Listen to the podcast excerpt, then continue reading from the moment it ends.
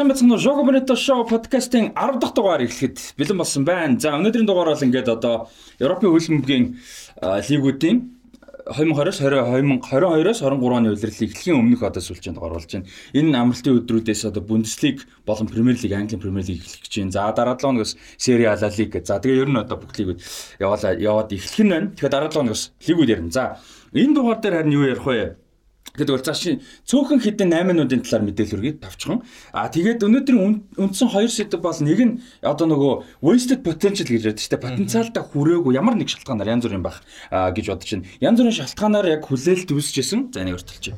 За хүлээлт үүсчихсэн болон одоо бодож исэн потенциалтай хүрээгүй тоглогчдын талаар өөртөө одоо сэтгэлийг те хуваалцах тоглогчдын талаар ярих юм бэлдсэн байгаа. А тэгээд улирал ярьдгаа үргэлжлүүлэн өнөөдрийн дугаараар 2006-аас 2007 оны Европын хөлбөмбөгийн улирлын талаар үргэлжлүүлж ярихаар бол бэлдсэн байгаа.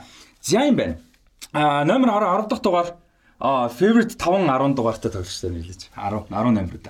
Нэг гэхэр ч одоо 10 чад амар дугаар шүү дээ. Одоо 10 гэхэлэр ч одоо хар мянгал бол шууд надаар Ривалдо орж ирж байна. Яг үндэ яг нөө а 98 онд үзэж эхэлжсэн шүү дээ. Тэг чин бол яг анх үзэж байхад бол Бразил гэдэг босч амар байсан шүү дээ. Ривалдо орч дараа нь бол яг шууд Зидан орж ирж байна. За ихээр санаанд юм. Дөө зөндөө зөндөө. Роберто Бажо байна, Марадона байна. Тэгэл тэг месси штэ тэгээ тий. Тий, ер нь бол зөндөө зөндөө тий. Голдоо зөндөө яг хамгийн дөрөв харавж явах нь шууд Ривалдо орж. Тий, тэр нь хамгийн сонирхолтой. Тэрс яг ингээд жагсаахан бол мэдээж амар ойлгомжтой зүйлээ шүү дээ. Тий, надад Тотти сая орж ялаа. Тий.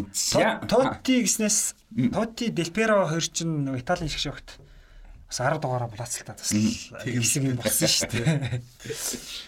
За тавчхан хэдэн 8 минутын талаар. За Aaron Ramsey-гийн гэрээ дууссан байсан. Тэгээд Euro Францын Ниц баг руу шилжсэн байна. Монголоор Ница гэдэг баг. Ниц гэдэг баг тийм. Ница гэдэг баг. За саяхан нэг Марио Балотелли нэг хэсэг тоглож байсан юм санаж байгаа. За Луис Суаресын гэрээ дуусаад чөлөөт агент болсон байсан бол нутаг бутсан яг карьераа эхлүүлсэн Национал баг руугаа аврагва. Улсын одоо Национал баг руугаа бутсан байна. За сонирхолтой наймнуудын нэг нь Leipzig баг Hoffenheim-аас 26 сая еврогоор David Raum гэж зүүн зүгрийн хамгаалагчийг бол одоо Германы шишээд ерөнхийдөө тоглоод эхэлсэн байгаа. Давид Раум гэж зүүн зүгрийн хамгаалагчийг бол авахар болсон байна. Герман ч угаасаа шигшэн зүүн зүгрийн хамгаалагч наад чи бараг гарна шүү. Тийм ер нь одоо дэлхийн аваа бараг гарах. Гоусенс гарах нь наад чи гарах. Ер нь бол зүүн зүгрийн хамгаалагч болчиход байгаа шүү дээ. Тэг Гоусенс нь болохоор илүү win back тэ ядаж байгаа. Одоо яг дөрвөн хам хоёр хамгаалагчтай тоглож байгаа удаа тоглоод хэцүү. Тэг Герман чи дэлхийн аваа авдаг жилээ зүүн хамгаалагч хүснэ. Энэ Бенедикт Хөвэжс тоглосон шүү дээ. Хамгаалагч нь. Тэгэд Раум авч байгаа бас сонирхолтой нь Анжелино хэрвээ Анжелино чи яла Ситид үл байж байгаад одоо зэрлэн дуусаад буцаж гин үү эсвэл үнэхээр жингэлсэн билүү би тэрийг мартаа. Бараг жингэлсэн бох уу. Хэрвээ Анжелиныг жингэлсэн бол хаад тийм ба тий. Хэрвээ Анжелиныг Анжелиныг жингэлсэн болвол Раум энэ хоёр нэлээд өрсөлдөөнтэй сонирхолтой болох нь а нэг бол Англины өөр тийш явсан байж магадгүй. Тэрийг бас шалгаж явсан. Сити дээр ерөөсөй байхгүй лээ. Байхгүй лээ. Тэг Ситид бол буцааг бах тий. Сити авахгүй л та. За тэгээд өнгөрсөн 7 хоногт хэдүүлээ нэлээд урд ярьсан юм яг оронгороо эргэж магадгүй үжсэн болсон Жу Конде Барселона руу явахаар болсон 50 сая еврогийн А үнээр бол одоо Барселонд явах нь тодорхой болсон. Зураг авуулсан байлаа шүү дээ. Тийм тийм бүр зарлцсан байна. Эхний бэлтгэлээ хийсэн. Зарлцсан байгаа. За энэ энэний талаар бол Севиагийн одоо спорт яригсан захирал Мончи яриа өгсөн байсан. Челси бол ингээд тохирцсон байсан. Челситэй тий багтаан тохирцсон тоглогчдын цалин гэрээ бүх юм тохирцсон. Ерөөсө хамгийн сүүлчийн одоо юу гэдэм бэ? Жижиг юмнууд л үлдсэн байсан. За тэгээ байжсэн чинь яг цаг төхөөд нилээ ингээд нөгөө нэг одоо бүтсэн өдөр төгсөн юм байл дөрөв дэх гэхэд бүх юм окей болсон. За тэгээ бүтсэн өдрөө орой болж исэн чи Челсигийнхаа эргэлзээд игсэн. Өөрөөсөө окей гэсэн мөртлөө. Тэгээ яг юунаас болоо эргэлзсэн бэ гэсэн чинь Күндэгийн өндөр дээр за тэгээ бас өөр хэнийг хүлээ бас сонирхож байгаа гэсэн яриа байсан юм байлээ. Төв хамгаалагч. Тэгээ Күндэ энтер гээд өөрөөсөө нөгөө нэг гэрээгээ зурж өгөхгүй жоох удаагаад Тэгээ байж ирсэн чи бүтээсэний оройн Барса шууд 50 сая санал тавьсан юм байна. А тэр нь Челсигийн тавьсан саналаас илүү өндөр байсан яг хэд хэдийн хэлээгөө бодвол 40 45 ч юм уу байсан юм шиг. А тэгээд Севи окей те болж гин гэд э, э, юу яасан? зөвшөөрсөн. За Күндэ ч гэсэн өөрөө 92 саналаас за би Барселона бол бүр илүү явах хүсэлтэй байна тий. Хэдийгээр Челситэй төвшөлдсөн байсан ч гэсэн Барселона санал тавьсан үед бол би Барселона руу ямаар байна гэсэн юм байна. Тэгээд Челси ерөөсө дахиж санал тавиагүй. А Барсагийн тавьсан саналтай тэнцгийг бол хүсээгүй. Тэгээд Челси бол өөрсдөө л ер нь тавиад өгсөн юм шиг. Тийм тийм. Яг болох болцсон байсан юмыг тэгээ өөрсдөө болоод тэгээд ер нь бол ба өнөөдөр ч асуудал угаасаа жоохон хэцүүлтэй Премьер лигтэй. Одоо яг Дали Блинд бол дөрвөн хамгаалагчтай үед бол төвийн хамгаалтанд гарч ирсэн тохиолдол байгаа л да. Цөөхөн л тий. Тэгвэл тэр э, ямар учиртай гэхээр тухайн баг маш их прессинг хийдэг ард бөмбөг баг ирдэг ч юм уу тий. тийм тохиолдолд тэгээ урд нь матч ч юм уу тийм өндөр үн тоглож моголд нөө тэнцвэрийн баланс хадгалж мадгалагдах. Тийм тохиолдлуудад одоо тоглохоос яг Премьер лигд бол яг дөрвөн хамгаалагчийн хоёрын нэг нь метр 80-аас дээш нь тоглож. Та нар боддоо Премьер лигд намхан хамгаалагч алж ирсэн тохиол байна уу? Байхгүй шүү дээ. Хэцүү шүү дээ. шууд орохгүй л байна. Хамгийн намхан гэж бодоход 82 3-тай дор хаяж байж байгаа. Одоо Рикардо Карвали үгүй чинь тий намхан болчихж байгаа. Тэгтээ одоо сайн тий. Тэгтээ 80-аас доош одоо Лисандро Мартинес дээр би бол эргэлзэж байгаа хгүй метр 75 та. Мартинес жигүүрт тоглох уу? Говийн зүүн талах ч юм уу ядаж тий. Тий Аспиликота дээр шиг тий. Нэг бол Лисандро бол бүр төвийн дефенсив мидфилдер дээр аягүй сан тоглолт тоглож байгаа юм гарсан мэлээ. На күндэ дээр бол аргагүй аргагүй Челси бол. Тэгээ Челси чи түүхэл яг үндэ тийм амар бас прессинг гэдэгс биш шүү дээ. Тэгээд дээрэс нь күндэд өөрт нь бас амар л байсан баг л та. Хол нүг шаардлага байхгүй соёлын үед өөр шүү дээ. Гэхдээ Англид очиж яг үндэ та нар ингээд бодоод үзлээ. Аль лигд очиж хүмүүсийг фейлдтэй. Аа. Яг үндэ Испанд биш Англид л очиж фейлд. Испанд нэг Реал Madrid Барса эдэр нэг тэдэн томчуудыг зодтолдуулаад эдгээр ганц хоёр томчууд л фейлддгүйхээс яг үндэ бол одоо ингээд дөнгөж шинээр гарч байгаа ч юм уу ингээд ялангуяа хамгаалагч нар бол Англид очиж айгүй филд ш. Одоо Рүдигэр гэл сая Реал руу явсан Рүдигэр ихний өрчил бараад айгүй мод голсон шүү дээ. Тэ яах гэж энийг авсан гэдэг те. Тэгэхээр хамгаалагч гэдэг бол ерөөхдөө англид хамгийн их фейлдэг. Тэрийг бол наад байгаа айгуу сайн мэдчихэ. Тийм учраас Испанта үлдсэн жураг күндээ төвхт амар байсан бах уу. Одоо 10 хот тоглох энэ гарах юм те. За 10 хоо күндээ хоёр л тоглож таарах бах. Тэгээ Эрик Гарсиа бол ээлжлэх үед ээлжлэх бах. За Пике мэдээж байгаа. Ерөнхийдөө нэг юм хамгаалт дөрөв хамгаалагч л үлдэж байна одоо тийм. Шавагийн хувьд бол угаасаа күндэд хэлсэн байл шүү дээ. Ер нь бол Роналд Араухо таар бол маш сайн хослол болно. Олон жил ерөөсөө ингээд ноёрхон гэдэг нэг тийм итгэл үнэмшлийг бол өгсөн юм бэл. Дин хоёрыг хасаж сууж ин гэж бодохоос гой санагдчихлаа юм л да. Хойлоо тэмдэгтээ бөмбөгтэй тоглолцоо та Араухо бигийн хүч, бие хүчний тоглолт агаарын бөмбөг тоглолтын дээр л маш сайн. Тэгэнгүүт күндээ хажууд нарай намхан гэхдээ техник тоглолт басаатай. Тэгэхээр яг хосолж ингээ гой юм л одоо юу гэдэг яг хоёр өөр гэдэг утгаараа харьцуулбал Пике Пуэлери идэв шиг байж болж байгаа байхгүй. Пике Машрано ч юм уу. Тийм Машрано ч юм уу тийм. Тийм шиг байж болж байгаа хоёр өөр стил ингээд утгаараа. За хамгаалагчдаас Барсаар үргэлжлүүлээд ярихад Оскар Мингеза бол юу яасан байна? Селта Виго баг руу 3 сая евроор явсан байна. Мингезагийн хувьд бол уугийн төвийн хамгаалагч. Тэгээд ер нь бол Барселоны анхны 1-р өгт гарч ирснээс хойш ерөөдөө жигүүрийн хамгаалтанд их тогсоор байгаа. Тэгээд ерөөдөө явахаар болоод яг үндсэн байралтаа тоглох. Явсан зөвөө зөв тийм. Тэгээд залуу тоглогч шүү дээ. Одоо дөнгөж 21 хоёртой бас карьер зөндөө байна те боломж байна. За Барселонаас Рики Пуйж ер нь явах нь баг тодорхой болж байгаа юм байна. Лос Анжелес Galaxy багтай. Ер нь бол урьдчилсан байдлаар холбогдсон бэл. Энд одоо дөнгөж 22 3-тай залуу төвийн агс тэгээд Galaxy руу явж гин гэдэг юу гэж байна те. Одоо юу гэдэг Испани одоо юу гэдэг Celta ч юм уу, Betis ч юм уу өөр багт очиж бас гэдэг юм юу гэдэг. Ойлгоо шүү дээ. Тэгээ мань хүн бас их сонин их л сонир шийдвэр байна. Galaxy тий. Америк руу харин тий. Одоо ингээд замнал нь одоо магадгүй буцаж Европт ирэхгүй ч гэж болохоор болчихлоо шүү дээ. Ер нь Америк, Катар, одоо Араб орнууд тий Хятад ч юм уу өө одоо чанар муутай гэхдээ мөнгөтэй лиг руу залуутай явсан тоглогчид буцаад Европын стандарт ирэх нь баг байдгүй.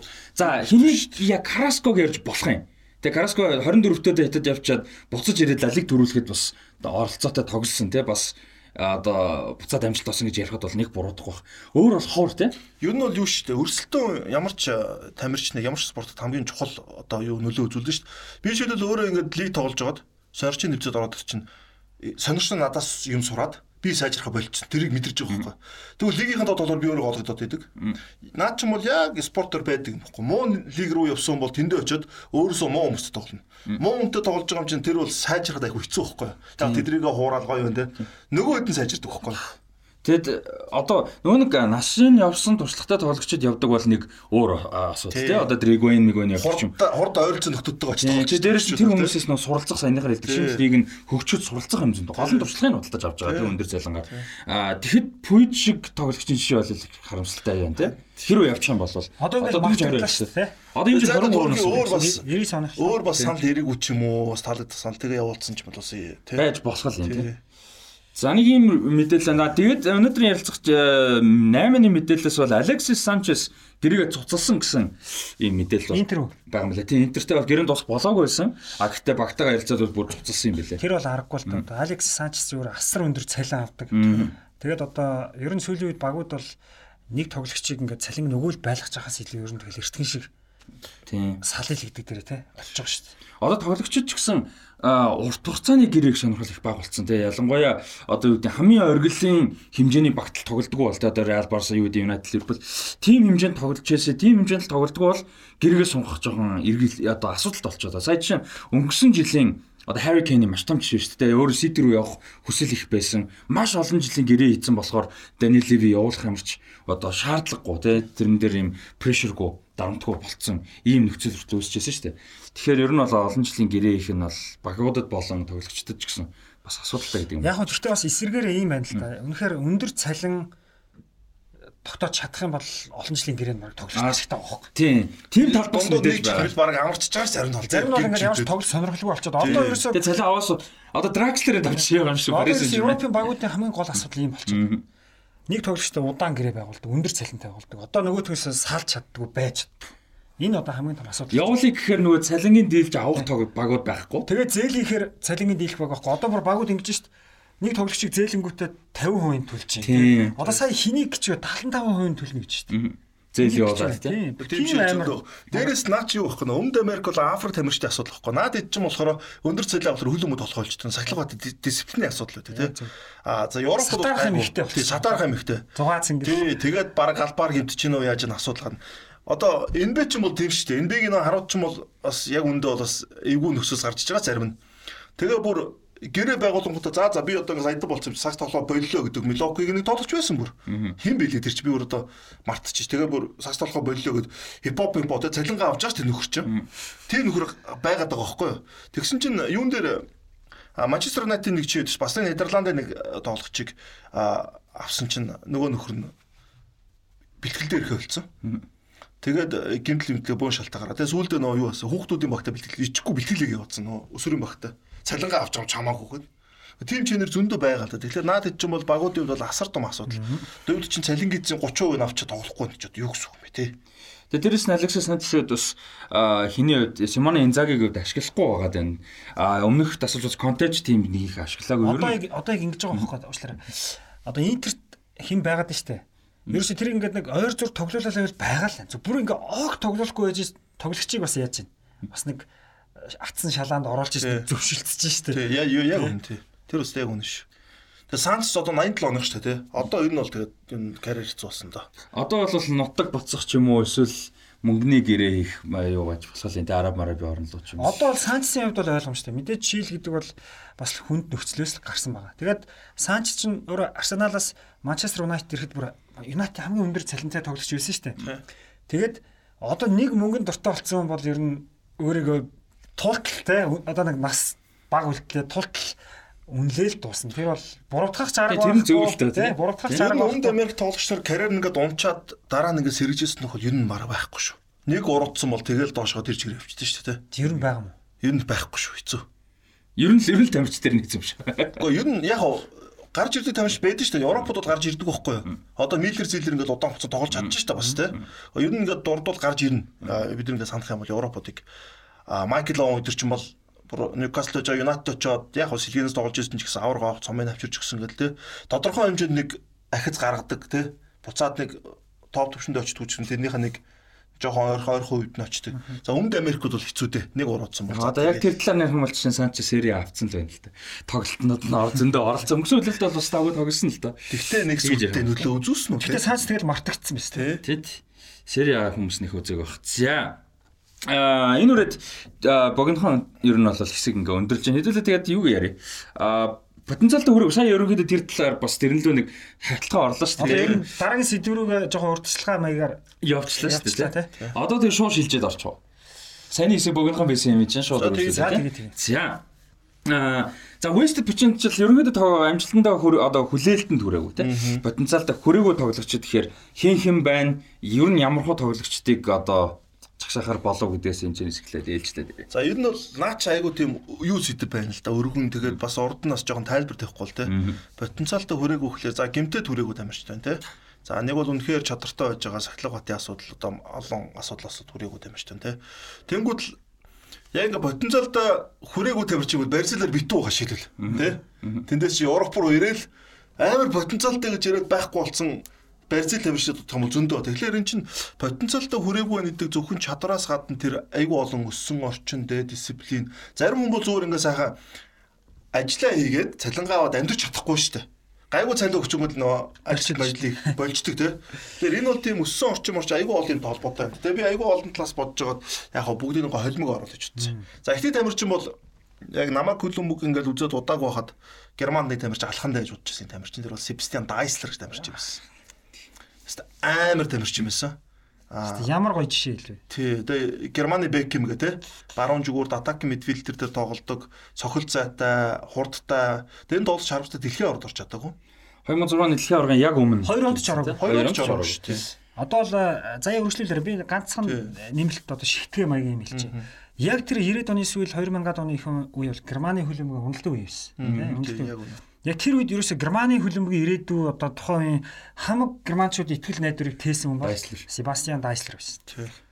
Тэгээ Себастьян Дайслер хамгийн харамсалтай нь одоо яг Ройс шиг юм уу те том тэмцээнд гимтдэг. Тэгээ гимтгэхээр дандаа нөө мөгөөрсний гимтэл буюу одоо энэ зөөлөдийн гимтэл айгүйх авдаг. Тэгээ тэр нь хамгийн хүнд гимтэл бүтэн жил мэл хүртэл тоглоагүй юм тохиол. Тэгээд А тэрнээс болоод аюу олон гэмтэл дараалаа. Тэрнээс болоод депрессэн ороод. Бүр стресс биш, бүр депресс гэж байгаа шүү дээ. Бүр аюу хүн депрессэнд ороод. Яг бол потенциал нь байгаад идэг тэр хүнд.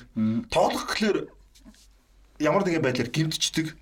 Тэгээд тэрнээс болоод асраг депресс. Сансандаа ерөөсө хүрхгүй байгаадаа мэдээд нь шүү дээ. Аюу том зөрүү үүсэж байгаа. Олон нөгөө нөхөр хүрцэн үе байгаа хөөхгүй юу? Европын авар 2000 оны Европын авар мөрч аюу санд голцсон шүү дээ. Жохоо хухт гарч ирээд хүрцэн үе байдаг. Тэгмээ яг тэрэн дээр бүр тэрнээсээ илүү давах боломж байгаад байдаг. Тэгээд германчууд бүгдээр ихтгэл найдад хүлээлгчээд байгаад байдаг. Тэгээ харамсалтай нэг. Тэгээд 27 наснда хөл өмгөөс золоод альсан байдаг шүү дээ. Дайслер нэг юм болсон их гоё жишээ. Дурдлаа одоо яг энэ сэдвийн дагуу те хамгийн тод жишээ одоо гоё жишээ цаашаа юм бэ. Дайслер тэгээд дараа нэг эргэж ирэх гэж үтсэн. Тэгээ 2005 онд би яг санаж байна. 2005 оны намар 10 билүү 10 дугаар сард Франц, Герман хоёр шигшааг нөхсөг тоглолт хийхгүй. Тэгэхэд мань хүн чинь бүр олон жилийн дараа Германы шигшааг дахиад дуудагдж штэ. Тэгээ 2006 оны дэлхийн аврал шалралт тэмцээнд орох гээд Юрген Клинсман ихтгэл найдвар өгөөд тэгээд бас их харамсалтай юм болсон. Түрүү нөгөө мөгөөс нэг юм хэлэхэд яг тэр тоглолтод одоо Францын шигшаагийн хэн блэ нэг тоглогч пүүзэр яг хөлтөр ингэшгээд тэгээд Айслерын яг хөлөөс ингээд одоо тэр хөлийн төв хэсэг подиум хэсэг тэр хэсэг дээр гიშгүүлээ тэндээс нь цус гараад аюу хүнд гэмтэй талбайг орхиод За түүнээс хойш би Дайслерыг тогсон тоглохгүй бас санахгүй байна. Тэгэл болцсон юм байна. Ер нь 7 он баг шүү. 2006-аас 7 оны үеэрл дуусгаад шууд зодод. Тэгэл юм зодод байсан. Тэр үеэрэлдээ бол бас нэг хөлөгтэй тоглоогүй. Тэгээд ер нь бол а Дайслераас гадна тэгээд баалах хоёр байсан бол хамт байсан бол те. Ер нь бол Германы шиг 2004 онд бол тэгж бас Европ тэгж шал арчихгүй байсан баг. Ер нь бол Тэгээд Дайслер байсан бол 6 оны тэр дэлхийн авард ирсэн Герман ерөнхийдөө бас финал финал руу бас тий тэр хүрлийн төлөвш финал руу байх ч боломжтой байсан шүү. Яг бол Италийн эсрэг тийм хурдтай Дайслер шиг тоглолчод бас хамаагүй өөр өөр гүйцэтгэн. А Шнайдер тоглосон шүү дээ баруун зүгээрээ. Берн Шнайдер. Тий, Берн Шнайдерийн яг байран дээр тоглох юм бол бас хамаагүй өөр тоглоно. Яг бол зүүнд нь Швайны байгаа шүү дээ. Угаасаа яг жинхэнэ гоцсон тоглолт хийдэг тий. Тэгээд тэр баруун талд нь Дайслер. Яг бол Германы баруун зүг айгу сул өссөн бохгүй. Тогтлогоо. Арне Фридрих Тэгээд урд нь хин Шнайдер хоёр. Тэгээд Одонкор сэтгээр орж ирдэг. Тий. Тэгэхээр Одонкор ч юм уу гараан тоглож биш те. Тэмүүл Шнайдер Фридрих хоёрын жигүүр чинь хамгаалтандаа сайн болохоос довтлогоо дэмжлэнээр аягүй муухгүй. Тэгэхээр яг Дайслер тэнд байсан бол ардаа угаасаа довтлогоо баг дэмждэг баруун жигүүрийн хамгаалагчтай Дайслер байсан бол Герман бол бас хамаагүй өөр тоглолт 2006 онд гарах байсан. Дайслер тэг бас талбайн төвч тоглодог байсан заримдаа. Одоо Дайслерын ингээд заяа их гоё жишээ сонгоомот ингээд ургаад байна л та. Одоо ойр сонсоогүй нэр ингээд сонс. Дайслерс тэгээд нэг юм байгаа. Одоо яг би түрүүнээс 90-ад оны сүүл 2000-ад оны их юм бол Германы хөлбөмбөгийн угаасаа хөндлөлт үе. Тэгээ германчууд угаасаа тэр сургалтандаа бас айгүй том өөрчлөлт өөрчлөлт оруулсан. Тэр үед Германы хөлбөмбөгийн сургалт юу гэхээр Германы хүүхдүүд ч юм уу залуучууд техник ур чадвар мундаг. Гэхдээ тэд нар зүгээр автомат тоохгүй. Одоо үндсэн техник сайн байхгүй. За үндсэн техник сайн. Гэхдээ автомат. Одоо юу гэдэг юмыг л гүйцэтгэдэг. Одоо энийг инг гэвэл яг хийдэг. Яг нөгөө нэг дайслар шиг өөрөө ингэ сэтгээд тэр үед хийдэг дэлж тоглож байгаа. Тийм юм айгүй цөөхөн байсан Герман. Яг үнэн шүү. А тэнгууд дайслар болохоо тэр үед ерөөсөө яг Германы ирээдүг гэдгээс юм хэрэг яг германчуудаас шал өөр стилийн хөлбөмбөг хөлбөмбөгч байсан байгаа. Яг үнэ. Наадах ч одоо нөө англи германы асуудал байж байгаад англи ч одоо л гайгүй болж шээ тий. Яг автомат тэгэл нэг пүн алсын дамжуул тэгэл энэ нөхөр мөрөгдөг тий. А солонгосын би юун дээр очисон солонгос сая тийм юм бэл. А хөлбөмбөг сургалтанд яг автомат. Гэхдээ Солонгос яагаад ингэж байгаа гэхээр тэгжээ Солонгос дээшээ гарна. За яа одоо яг ийм байгаа байхгүй. Тэд нар чинь яг үзэх ёстой зам нь байгаа байхгүй. Нэгдүгээр тэд бүгд техниктэй бүх нийтээрээ нэг бисэг бичиг үсгтэй гэдэг шиг бүх нийтээр эхлээд юу бол тээ. Тэгэхгүй одоо үндсэн техникээ сураагүй байж бүгд ингэ сэтгэх гээд байл энэ ч бас. Наадхан дээр чинь би нэг амар гоё жишээ зүгээр сэдвээс гадна гэхдээ хүмүүст бол амар таалагдах шилж тээ. А ийм юм баг солонгос ерөнхийлөгч үүдэн шүү дээ. Тэрний би номыг уншиж ийм юм баг өөрөө хэлсэн байгаа байхгүй. Би нэг юм их гайхдаг байсан. Яасан гэж чам. Болиул Япон солонгосоор тоглолдог гинэ. Хүүхдээс нь дандаа солонгос очдог. Том болохоор Японд дийлдэхөө хэлдэг. Тэгээ Японд угаасаа дэлхийд үздэг те. Тэг яагаад ингэдэг юм бол чинь Япончууд болиулыг хүүхд байгаас нь дандаа үндсэн техник заадаг гинэ. Солонгосод хослол заадаг гинэ. Тэгвэл хүүхэд байхад үндсэн техник сайдаа үнчээ яах вэ нэмэлт сурж байгаа техникс илүү гэж таарна шүү дээ. Тэгвэл том болонгууд үндсэн техникээ маш сайн сурцсан японочууд нь нэмэлт техникээ нэмж сураад тэгээ суур сайтай болохоор солонгосод бас илүү байдаг. Ерөөс яг энэ ч яваад байхгүй тий. Яг гоо аригдээ барьцил бол өөр. Тэд нар ч юм бол яг манай бүх жүжигч бүр ингээд хүүхд байхасаа ингээд амьдралынхан эд эст нь орцсон тий. Барууны өндөр хөгжилтэй орнууд хөл өмг бол амьдралын эд эст нь биш дээ. Тусдаа талбайдаар тоглоно. Тусдаа тоглох одоо энэ no ball game гэ байдаг хөхгүй. Сайн бөмбөгтөд болон тоглож чадахгүй газар бас нэлээд мэд. Тэгэхээр тэр чинь амьдралын хэдийст нь байдаггүй юм байгаа тоххой. Тэгэхээр тэрийг яах вэ гэхээр үндсэндээ гнээс сур. Тэгвэл Япон солонгосын хөлөө мөчийг тэгж сургаж тэгж дэлхийд гарч иж байгаа хөхгүй. Манайх цаа хөлөө мөс сургалтнараас энийг бол аягуулсан бодолцсон хөхгүй. Манайх бол энэ хөлөө бөмбөг угаасаа хөгжиж байгаа юм чинь угаасаа юунд нь байхгүй зүйл хөхгүй. Амьдралынхан бүр өдөртмөө шүү дээ. Одоо яванда бүх мөрч байхаа үлж эхэлнэ шүү дээ өндөр хөгжилж байгаа юм тийм. Энийг аягүй сан шинжилгээ ухааны талаас манай юунууд ер нь спортын чиглэл бас аягүй бодох хэрэгтэй бах тийм. Наадах бол одоо ер нь философи гэж хэлээд байгаа байхгүй. Философи гэдэг маань нэлээд хазаацсан байгаа юм. Зүгээр зүгээр зүгээр шүү дээ. Философи гэж ер нь яг юу хэлээд байгаа юм бэ гэхээр философи гэдэг чинь тухайн улс үндэсний тийм тэр хүүхдүүдийн онцлогийг олж тогтоох. Юм аа тийм. Тэгээд ерөөсөө аль насанд юуг заах нь хамгийн зүв бэ гэдгийг л олж тогтоох юм байхгүй дөнгөж орж иж байгаа хүмүүс баахан бүүндэд авах шүү дээ. Тэр хүмүүс яг ингээд үүсэх ёстой юм л яг ингээд бүр гарах ёстой. Тэгээ Sony чи яваа шүү дээ. Sony-г бол аав нь Солонгосын хөлөмгийн би сургалтаар заахгүй гэж өөрөө зааж ингэж гаргаж ирж байгаа байхгүй? Ийм ялгаа. За, Дайслер дээр ста нэрэ. За, Растигийн хувьд. Аа, тийм би нэг цөөхөд нь тоолж зүгээр дуртахаар бичсэн байсан. За. Нэг нэгээр ингэ авчих. Тийм. Би нэг honorable mentions гэдэг нэг юм байдаг шүү дээ. Тийм маягаар одоо хэн байна л да. Жишээ нь Португалс United ирээд олон жил болсон. Гэхдээ амжилт болоог бол да Андерсон байна тийм. Робиньо ер нь анх бодож исэн шиг хэмжээнд эзэж хүрээгүй. А за Буян Киркич байна. Бас гарч ирж хахад ямар хэмжээнд яригдчихлаа. За тэгээ Себастьян Дайслерыг би битсэн байсан. А тэгээд Дэвид Бентли гэсэн тоглолчтой зүгээр товчхон дуртаад өнгөрөө гэж үзсэн. Бентлигийн сонор жишээ болгож байгаа сонирхолтой. Мань хүн нэг тийм одоо сахилга бат ч юм уу тийм бол байгаагүй. Ер нь бас гоё тоглогч авьяастай тоглож ирсэн. Хэлсэн шүү дээ. Тийм тэгээ Blackburn Rovers нэлээд энэ жил байгаа шүү дээ. Tottenham очиж байхгүй болсон шүү. Тэгээд мань хөө ер нь байхгүй Tottenham очиж байхгүй болсон биш. Ер нь уун бүр дээшээ явна гэж хэлсэн хүн шүү. Тийм тийм тийм. Одоо Дэвид Бентли, Дэвид Бекхэм, дараагийн Бекхэм. Манай ч одоо баруун жигүүр дээрээс нь тоглолдог тийм. Стил имиж бас төстэй.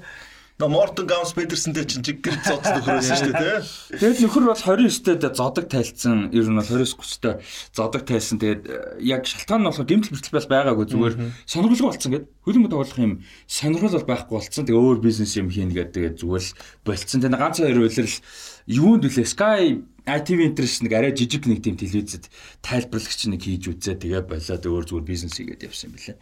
Аа тэгээ болцсон. Үнэхээр дуу сонирхолтой болчихоор хэцүү л тээ. Тий, тий, тэр чи спортод тэгээд яаж зах тэгээд насан ч гэсэн нөгөө нэг дээшлэх боломжгүй насан дээр очиж байгаа шүү дээ явсараад тий. За миний ярих гэж утсан болохоор юу байна л да. Адриано байна тэгээд За би яа ярих гэж Түүшэл урагшлал аваад ирч тий. Адрианогийн авиас чадвар тэгээд яг эд үедээ эд үедээ ч юм уу одоо яг хэсэг сайн тоглож исэн үед нь бол зогсоохон хоор байдаг байсан. Ямар гайхалтай тоглож байлаа. Үзэхэд ямар урамтай байдаг байлаа тий. А тэгвэл Хүмүүс яг нөгөө нэг айгүй олон код YouTube-ээр ч юм одоо юу гэдэг Facebook Facebook social media руу уншсан бах нөгөө аав нас урдаг тийм. Аав нас ураа тэрнээс болоод depression-д ороод хизэж тэрнээсээ бүрэн сэргээгүй гэж ярьдаг. За тэр нь бол үнэн. Zanetti ч гэсэн тэрний талаар ярьсан байдаг. А гэхдээ яг үнэндээ бол тэрнээс өмнө ч гэсэн форм нь айгүй орон гарan тоглогч. Ер нь бол байсан тэр нь бол үнэн. А тэгэд хитэ ер нь тэр харамсалтай болох хүртэл доктортой формтой ер нь тоглож байгаагүй. Яг нэг бүтэн үлрэл ч юм уу ядаж те. Ер нь 2 сар 3 сараас илүү хугацаагаар тогтмол тоглосуудаа баг байхгүй Адрианогийн карьерт. Тэр нь их харамсалтай. Тэгээд би би ч өөрөө интерт бас их дуртай. Тэгээд тэр үед их гой гарч ижсэн тоглолчтой их харамсалтай санагддаг. Тэгээд нэмээд ярил. Тийм Адрианогийн тухай бол тийм ер нь бол 2005 оны Адриано гэдэг бол амар өс шүү versus каптер. Тэр Италийн Сери А байна. 2005 онд ч нөө Интер чи AC Миланыг өрөөсөө ялдаггүй байж байгаа. Нэг ялсан шүү дээ 3-2-оор. Тэгэхээр Адриано галзуурж илаа. Яг тэр 2006 оны дэлхийн арга шалралт тэмцээнд яг Бразил те аимшигын баг өчтдөг. Роналдо Адриано Роналдиньо Кака гэдэг амар бүрэлдэхүүн байсан. За миний хэлэх тоглогч бол за хүмүүс бас бас таамаглаж л байгаа. Рикардо Курэжма. Аа бас бодлоо шүү дээ. Курэжмаг 2003 Листнес байгаа.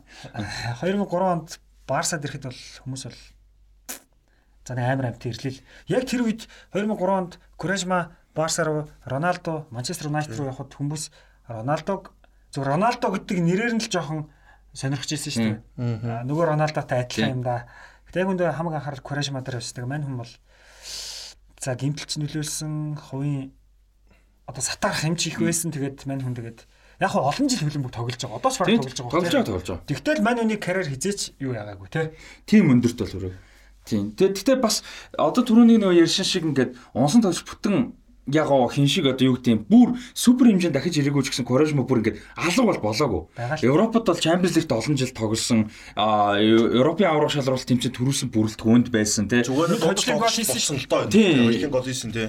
Тийм, ер нь бол бас нэг тэр чигээрээ болоод бас нэг алга болчихоо. Тэрийг бодохоор бас урамтай. Ядаж бүр нэг алга болчихоо юм даа. Коресма шиг тоглогч бол үнэхээр авиас нь байгаа. Тэр үнд одоо үнэхээр сахилга бат тэр өөрийн тэр нэг эго гэж нэг юм те. Багаар сэтгэх тим юм айгүй мото те. Заавал би заавал номер 1 нь байх хэрэгтэй гэдэг байдлаар хандаа те. Тэр нь байж чадахгүй болохоор тэрнээс стресс тийм үү яад те тэгээд асуулаар. Горисмаг хувьд бол үнэхээр юу л та.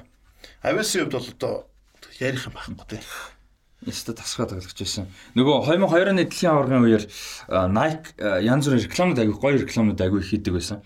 За ер нь тэр хуучин цагийн нөгөө нэг спорт хөлбөмбө рекламууд их гоё шүү дээ. Тэгээд тэрний нэгэн дээр нөгөө А юу яадаг? Португал Бразил хоорондоо ингээд нэг хөлбөмбөг тоглох гээд яав нэг цэнгэлдэх дундор бөмбөг ингээ хөөцөлдөж мэдлээ. 4 оны еврогийн юм шүү дээ. А тэр чинь еврог юм. Тий, тий, тий, Португал гэдэг. Тий, 4 оны еврог юм.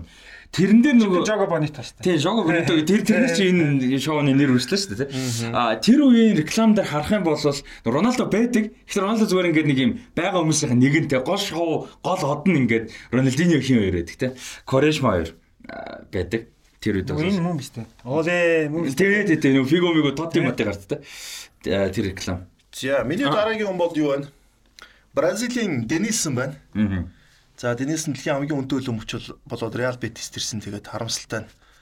Реал Бетисээс чаашаач нэг олигтой явгүй. Тэгээ шигшээ багтааж олигтой яв. Шигшээ огийн зүгээр л нэг одоо 22-д багтах хэвээр тий. Тухайд 22 байсан шүү дээ. 22-д багтах хэвээр нэг одоо сайн тоглож цаг дуусж байгаа үед нэг бөмбөг зөмбөг байруулах гэж нэг гараад ирдэг тоглогч л болсон ер нь бол. За энэ тоглогч бол бас л авиас гэж бол одоо үнэхээр бүр Коресмагаас бараг илүү энэ авиас бол тий. Яг үндэ ингээ бөмбөг эзэмших бол энэс бөмбөг салгана гэж ер нь бол. Нэг эсрэг нэг бол байхгүй шүү дээ. Нэг эсрэг бол байхгүй. Ер нь бөмбөг сал. Ийм амар авиасыг тоглож байсан. Би яг нөө түрүү энэ юуны өмнө хэлсэн л дээ нөө.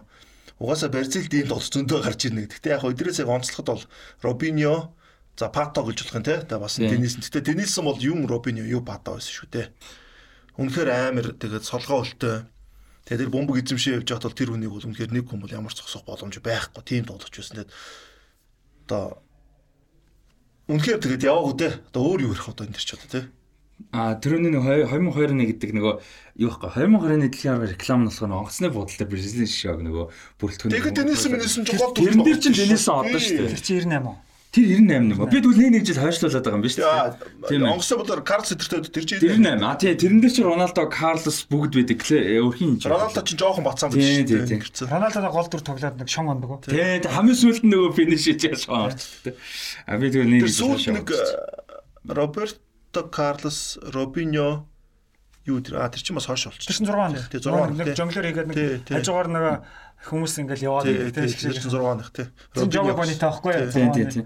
2002 3 оноос 3 билүү 2002 оны барьцалж угаас яг үндэ дэлхийн өмнө олигтой байгаагүй тий. Яг үндэ дэлхийн аварга төрүүлэл одоо ярьдлаас тэрний хүмүүс бол тэр барьцал ишээ хүн сонгочоос реклам хийхэргүй бас барьцал өссөн шүү. Аргентин Франц өссөн шүү. 98 2006 Франц 2 8 1 2 нь. 98 2006 ч бол амар өссөн шүү. Аваагүй хоёр нь тий. Аваагүй нэ. Аван гэсэн хүлээлттэй байсан хоёр. За өөр. За би зүгээр шалтгааныг нь бол мэдэхгүй. Ягаад потенциалтай хүрээгүй. Гэхдээ би нэг хүнийг л ерөөсө гайхаад байдیں۔ би Рикобаг ерөөсөн Аа яг үнэ. Тийм. бүр ерөөсөн тим амар одоо хүн бүхэн амар гэдэг. Тэр үний авиас ур чадвар бүх юм супер. Гэхдээ тэгэл нэг интерт ингээ сэлгээнд л байгаад тоглодогчгүй. Би Рикобаг л ерөөсөн юмда хүрээгүүлэгч. Яг үнэ. Альваро Рико би бас яг бодож ирсэн. Альваро Рико бод үнэхээр амар хөлбөмбөгчин заяа. Солгоолтой. Тий. Чөлөө цогцолт мөхөлт. Дэлб. Дэлб галзуу заяа. Солиотой. Тий амар. Тэгээд талбай дээр тэр гаргаж байгаа шийдвэр гаргалт тоглолт найруулга дээр айгүй сайн товтлогч. Тэгээд нэрэл өстой интертэй тэгээд хүн амтанд дарагдаад явах дурггүй байсан юм уу юу байсан тий. Тэг интерт байгаа л идэх тий. Интерт 11 жил болсон. Тэгээ 11 жил босон гэж хинт санахааргүй те. Ер нь бол сүүлийн бараг 6 7 жил нь бол сэлгээ байсан. Тэгээ нэг 10 яг удирдалтаа нэг 20 орчдөг гэхдээ хинхэн сэлгээ ч юм уу. Гэтэ би Рикобог одоо ингээ харахаар манай хүний амбиц тийм характер жоохон муу байсан гэж харддаг. Яагаад тэгэхээр 2002 оны дэлхийн ордор урууга тоглолт нь штэ. Лидер нь байсан шүү. Тэгээ гол лидер нь байжгаад тэр хамгийн сүүлд нэг Сенегалтай 3-3-аар тэнцсэн штэ. Тэгэхэд юу Сенегал 3 ичээд Сенегалч нь гэхдээ өөрөөсөө мангар хэсгээс Нөө Англиас зөрөх гэж уруугаад баг 3 гол алж байгаа сүүлдээ 4 гол Алдчихсан штэ. Ламин Диата нэг орж исэн мөнгө мөрөж гаргадаг штэ. Тэн дээр 3-3 болцсон байгаа цаг дуусах гад Сенегал хожигдох юм бол мултрах гад уруугаа хожих юм бол хэсгээс гарах гадаж жоод чөлөө цогцохгүй юу? Рикобо цохгос чинь нөө багийн цэвэрлэгч чинь одоо 5 дугаартай Гарсиа би цохно гэд хоёр ном муудалцаад. Тэгээ тэрнээс Гарсиа зогсож байгаа байхгүй. Гарсиа зохоод алдчихж байгаа шүү дээ ойлгомжтой тий. Тэгээ би тэрийг харчаа бодож ирсэн. Рикобо одоо ингээд эргүүлээд ингээд санаа Рикобо тэгэхээр амбиц авир муу уусан байхгүй. Тэр багийн лидер нь заяа ургаа гэдэг улсын. Баг нь хэсгээс гарах га сүүлийн цохолт хэн зохистой. Хамгийн авьяастай хамгийн мундаг тоглогч нь бол нь л Тий. Тэгэхэд тэр нөхрөөрөө тэрүүл хийж байгаа тэрийг загнаад явуулна өстэй. Загнадгүй махад бүр өөрөө би цохно гэж өвчээр цохно зохистой байсан. Тэгэд би Рикобо харчаа гайхчихсан байхгүй. Одоо ботоор Рикобогод бол тэр амби зайгүй муу байсан баг. Тэр Рикобогийн- интерес яваад өөр багтаж аюул гайхгүй бах одоо эндээ байж идэм юм яа тийм. Тэгээд нэг зайд бол явсараад усчих. Тэр нөгөө нэг юунд 2000 оны яг тэр үед нөгөө за ял спортын хойлоо нэг Германы кикрих байлуу да. Нэг сэтгүүлийн юу байсан? Кобгийн талаар юм байсан аахгүй. Тэгээ тэгсэн чинь тэрэн дээр нөгөө юу гэж ярьжсэн. Яг ингээд Раул Рикобарыг харьцуулсан. Тэр үчир Раул ямар мундаг тоглож байлаа. Тэгсэн чинь ингээд солгоо. тий тий Раулын Раулд ингээд Рикобагийн байхгүй ганцхан л юм байна. А Раулд байхгүй Рикобад байдаг бүх юм байгаа. Ингээд ерөөсөө Раул мөрөөдөөд ч байхгүй бүх чадвар, авиас чадвар, гайхалтай бүх юм байдаг. Раулд юу гэдэг өгсөн чинь сэтгэл зүрх гэж байгаа байхгүй. Зүтгэхтэй одоо юм зүтгэх чадвар те. Тэгэл ахлагч. Тийм багийн ахлагч лидер түүнээс одоо Инзаги Раул шиг тоглогчд бол яг юу нээр тасархаа ингэж ярихад хэцүү байдаг дээ. Атлетик талс нь ялангуяа те. Үзэгдэхгүй те. Тийм. Яг мэдээж мэдрэмж гол хэлдэг. Тийм. Тэгэхэд яг Рикобо дутагдсан юм тэр гэдэг. Яг хичээл зүтгэл тэгээ зүрхтэй юм Характер. Алалцах чадвартай ингээд өсөлдөх чадвар их муу. Тэр үчи тамирчин дээ. Тийм. Гарцах хэрэгтэй байсан. Уул ялангуяа багийн тамирчин хүн те. Тэгэхэд тэр нь бас хамгийн дутуу биеийн хүчний одоо дасгал маш бага хийдэг. А биеийн хүчний контактаа тоглолт нь маш дургу. А гэхдээ айгүй авьяастай үд ийм гойд үзэхэд гоё өөрөө ч хөлбөмбөгтэй хайртай мөртлөө тэр тал дээр ерөөсөө ажилдаггүй. А тэгсэн мөртлөө олон жил тоглоал байдаг те. Чадах юм байгаа Яг наад чи над дээр бас хөл өмгийн карьерээр тулсан л да. Би анх 2004 он дээдлигд ороод 18 настай байсан шүү дээ. 10 жилээ төгсөөд оюутан нөгөж болоод. За дээдлигд ороод техник тоглолтод орлоо. Дандаа тонтоо мах наргаш би бол яагаад ч угаасаа би яриад хэлэхгүй болгоны зөвлөлд боллоо. Би тухай довтлогч байсан. Мөрөхгүй л үхч нэг гар намаа заандаа зогсч тээ. Би яаж ч чадахгүй. Тэгээ шүүгчээгээд оройгоо тавьчих. Тэгэл ахаал манах булан аваад ёо хамгаалах болоо би нөө өндөр болохоор хамгаалж байгаа хөөхгүй. За ингээл юм байх. За заяанд хамгаал ингээл яаж чинь. Нэг гар ингээ шанаадаа л ороод ирчихнэ. Юу болсон? Надад бол болон болон юу болсон мэддэг байхгүй тухай. Тэгээд хүн яг бодд юм хэлээ. За ахаа бодон болгол. За одоо би яг яах ёстой те. Ахаал нь намайг нэг нөхөр те. Бас дээрлэх нь бас ингэн те. Яг над дээр чинь тулсан бохгүй. Тэгээд ороод ирэнгүүт бөмбөгөө чарж байгаа нөө цохилтын гаргаж байгаа өөрөө ч гараа яваа сурж байгаа байхгүй. Тэгэд яг хав би тэр үнэгэнд цогч могч гимтэхгүй шүү дээ. Тэгтээ тэгтээ хаа нөгөө хүнд энэ чинь бас нэг дээрлэхүүд байх дээрлэхүүлээд байх хүн биш юм байна гэдэг юу мессеж өгч байгаа. зүг. Тэгээд дараагийн бодон ч юм уу дараагийн тоглолтуудаар намайг жишээлбэл яг тэр дээрлэхжсэн нөхөр бол ахиж дээрлэхий гэж нэг бодохгүй. Яг гоо биеэрээ дээрлэх нүгөөс бүр улаан цам те. Хэрвээ би тэн дээр Хариу үйлчлэл үзүүлэг бол үжилүүг айсан бол тэр нөхөр намайг нэг цохиж унгаад юм уу яа тийм. Тэгээд би нэг унаад Зүрхэн өгчин те. зүрхэн өгч юм. За яг өгөхгүй л бахал та энэ бол өгөхгүй. Гэхдээ ер нь бол яг яг энэ юу ихгүй зүг одоо ойлгосон ойлгосон. Ер нь бол тэмцэх хэрэгтэй. тэмцэх хэвээр. Тэгээд би тэн дээр тэмцээд гарч чадсан. Тэгээ би дараа нь жишээлбэл гараанд гарах тийм боломж. А тэмцээгүй бол тэг хөлөмбө орхин шүү дээ. Орхин. А зарим нь бол ингээд дэрлэхүүл яваад идэг хүмүүс байдаг шүү дээ одоо тий. Нэг Эрко башиг байдаг. Малтггүй тэгээ байгаа. Гэсэн бол ингээд чадвар нь хурдан зочдог пүн гэл. Одоо нэр бас юу нэг та хэд ингэ санаж байна. Одоо 90-ад оны сүүлээс 2000-ад оны ихээс ингээ хөлбөмбөг олон жил хар гарч л үзсэн ба шүү дээ. 20 орчим жил. Аа миний хувьд л тэнгүүт одоо ингээ Рикоба ч юм уу Дайслер за одоо ингээл тэр цагийн мундаг потенциал талгүй би жоохон тайлах гэдэг л да. Өөр ингээ мундаг тоглогчдыг ярьдаг те тэр цагийн. Тэд нарыг ингээд нөгөө одоо шинээр хөлбөмбөг үзэж байгаа тэд нарыг үзэж байгаагүй залуу хүмүүст ингээ ярихаар ярахаар нэг гоё те. А тэгээ үзүүлэнгүүт YouTube-с ч юм уу одоо юунаас ч үгүй ингээ хайлайт юм үзүүлэхээр нэг тасархаа санагддггүй.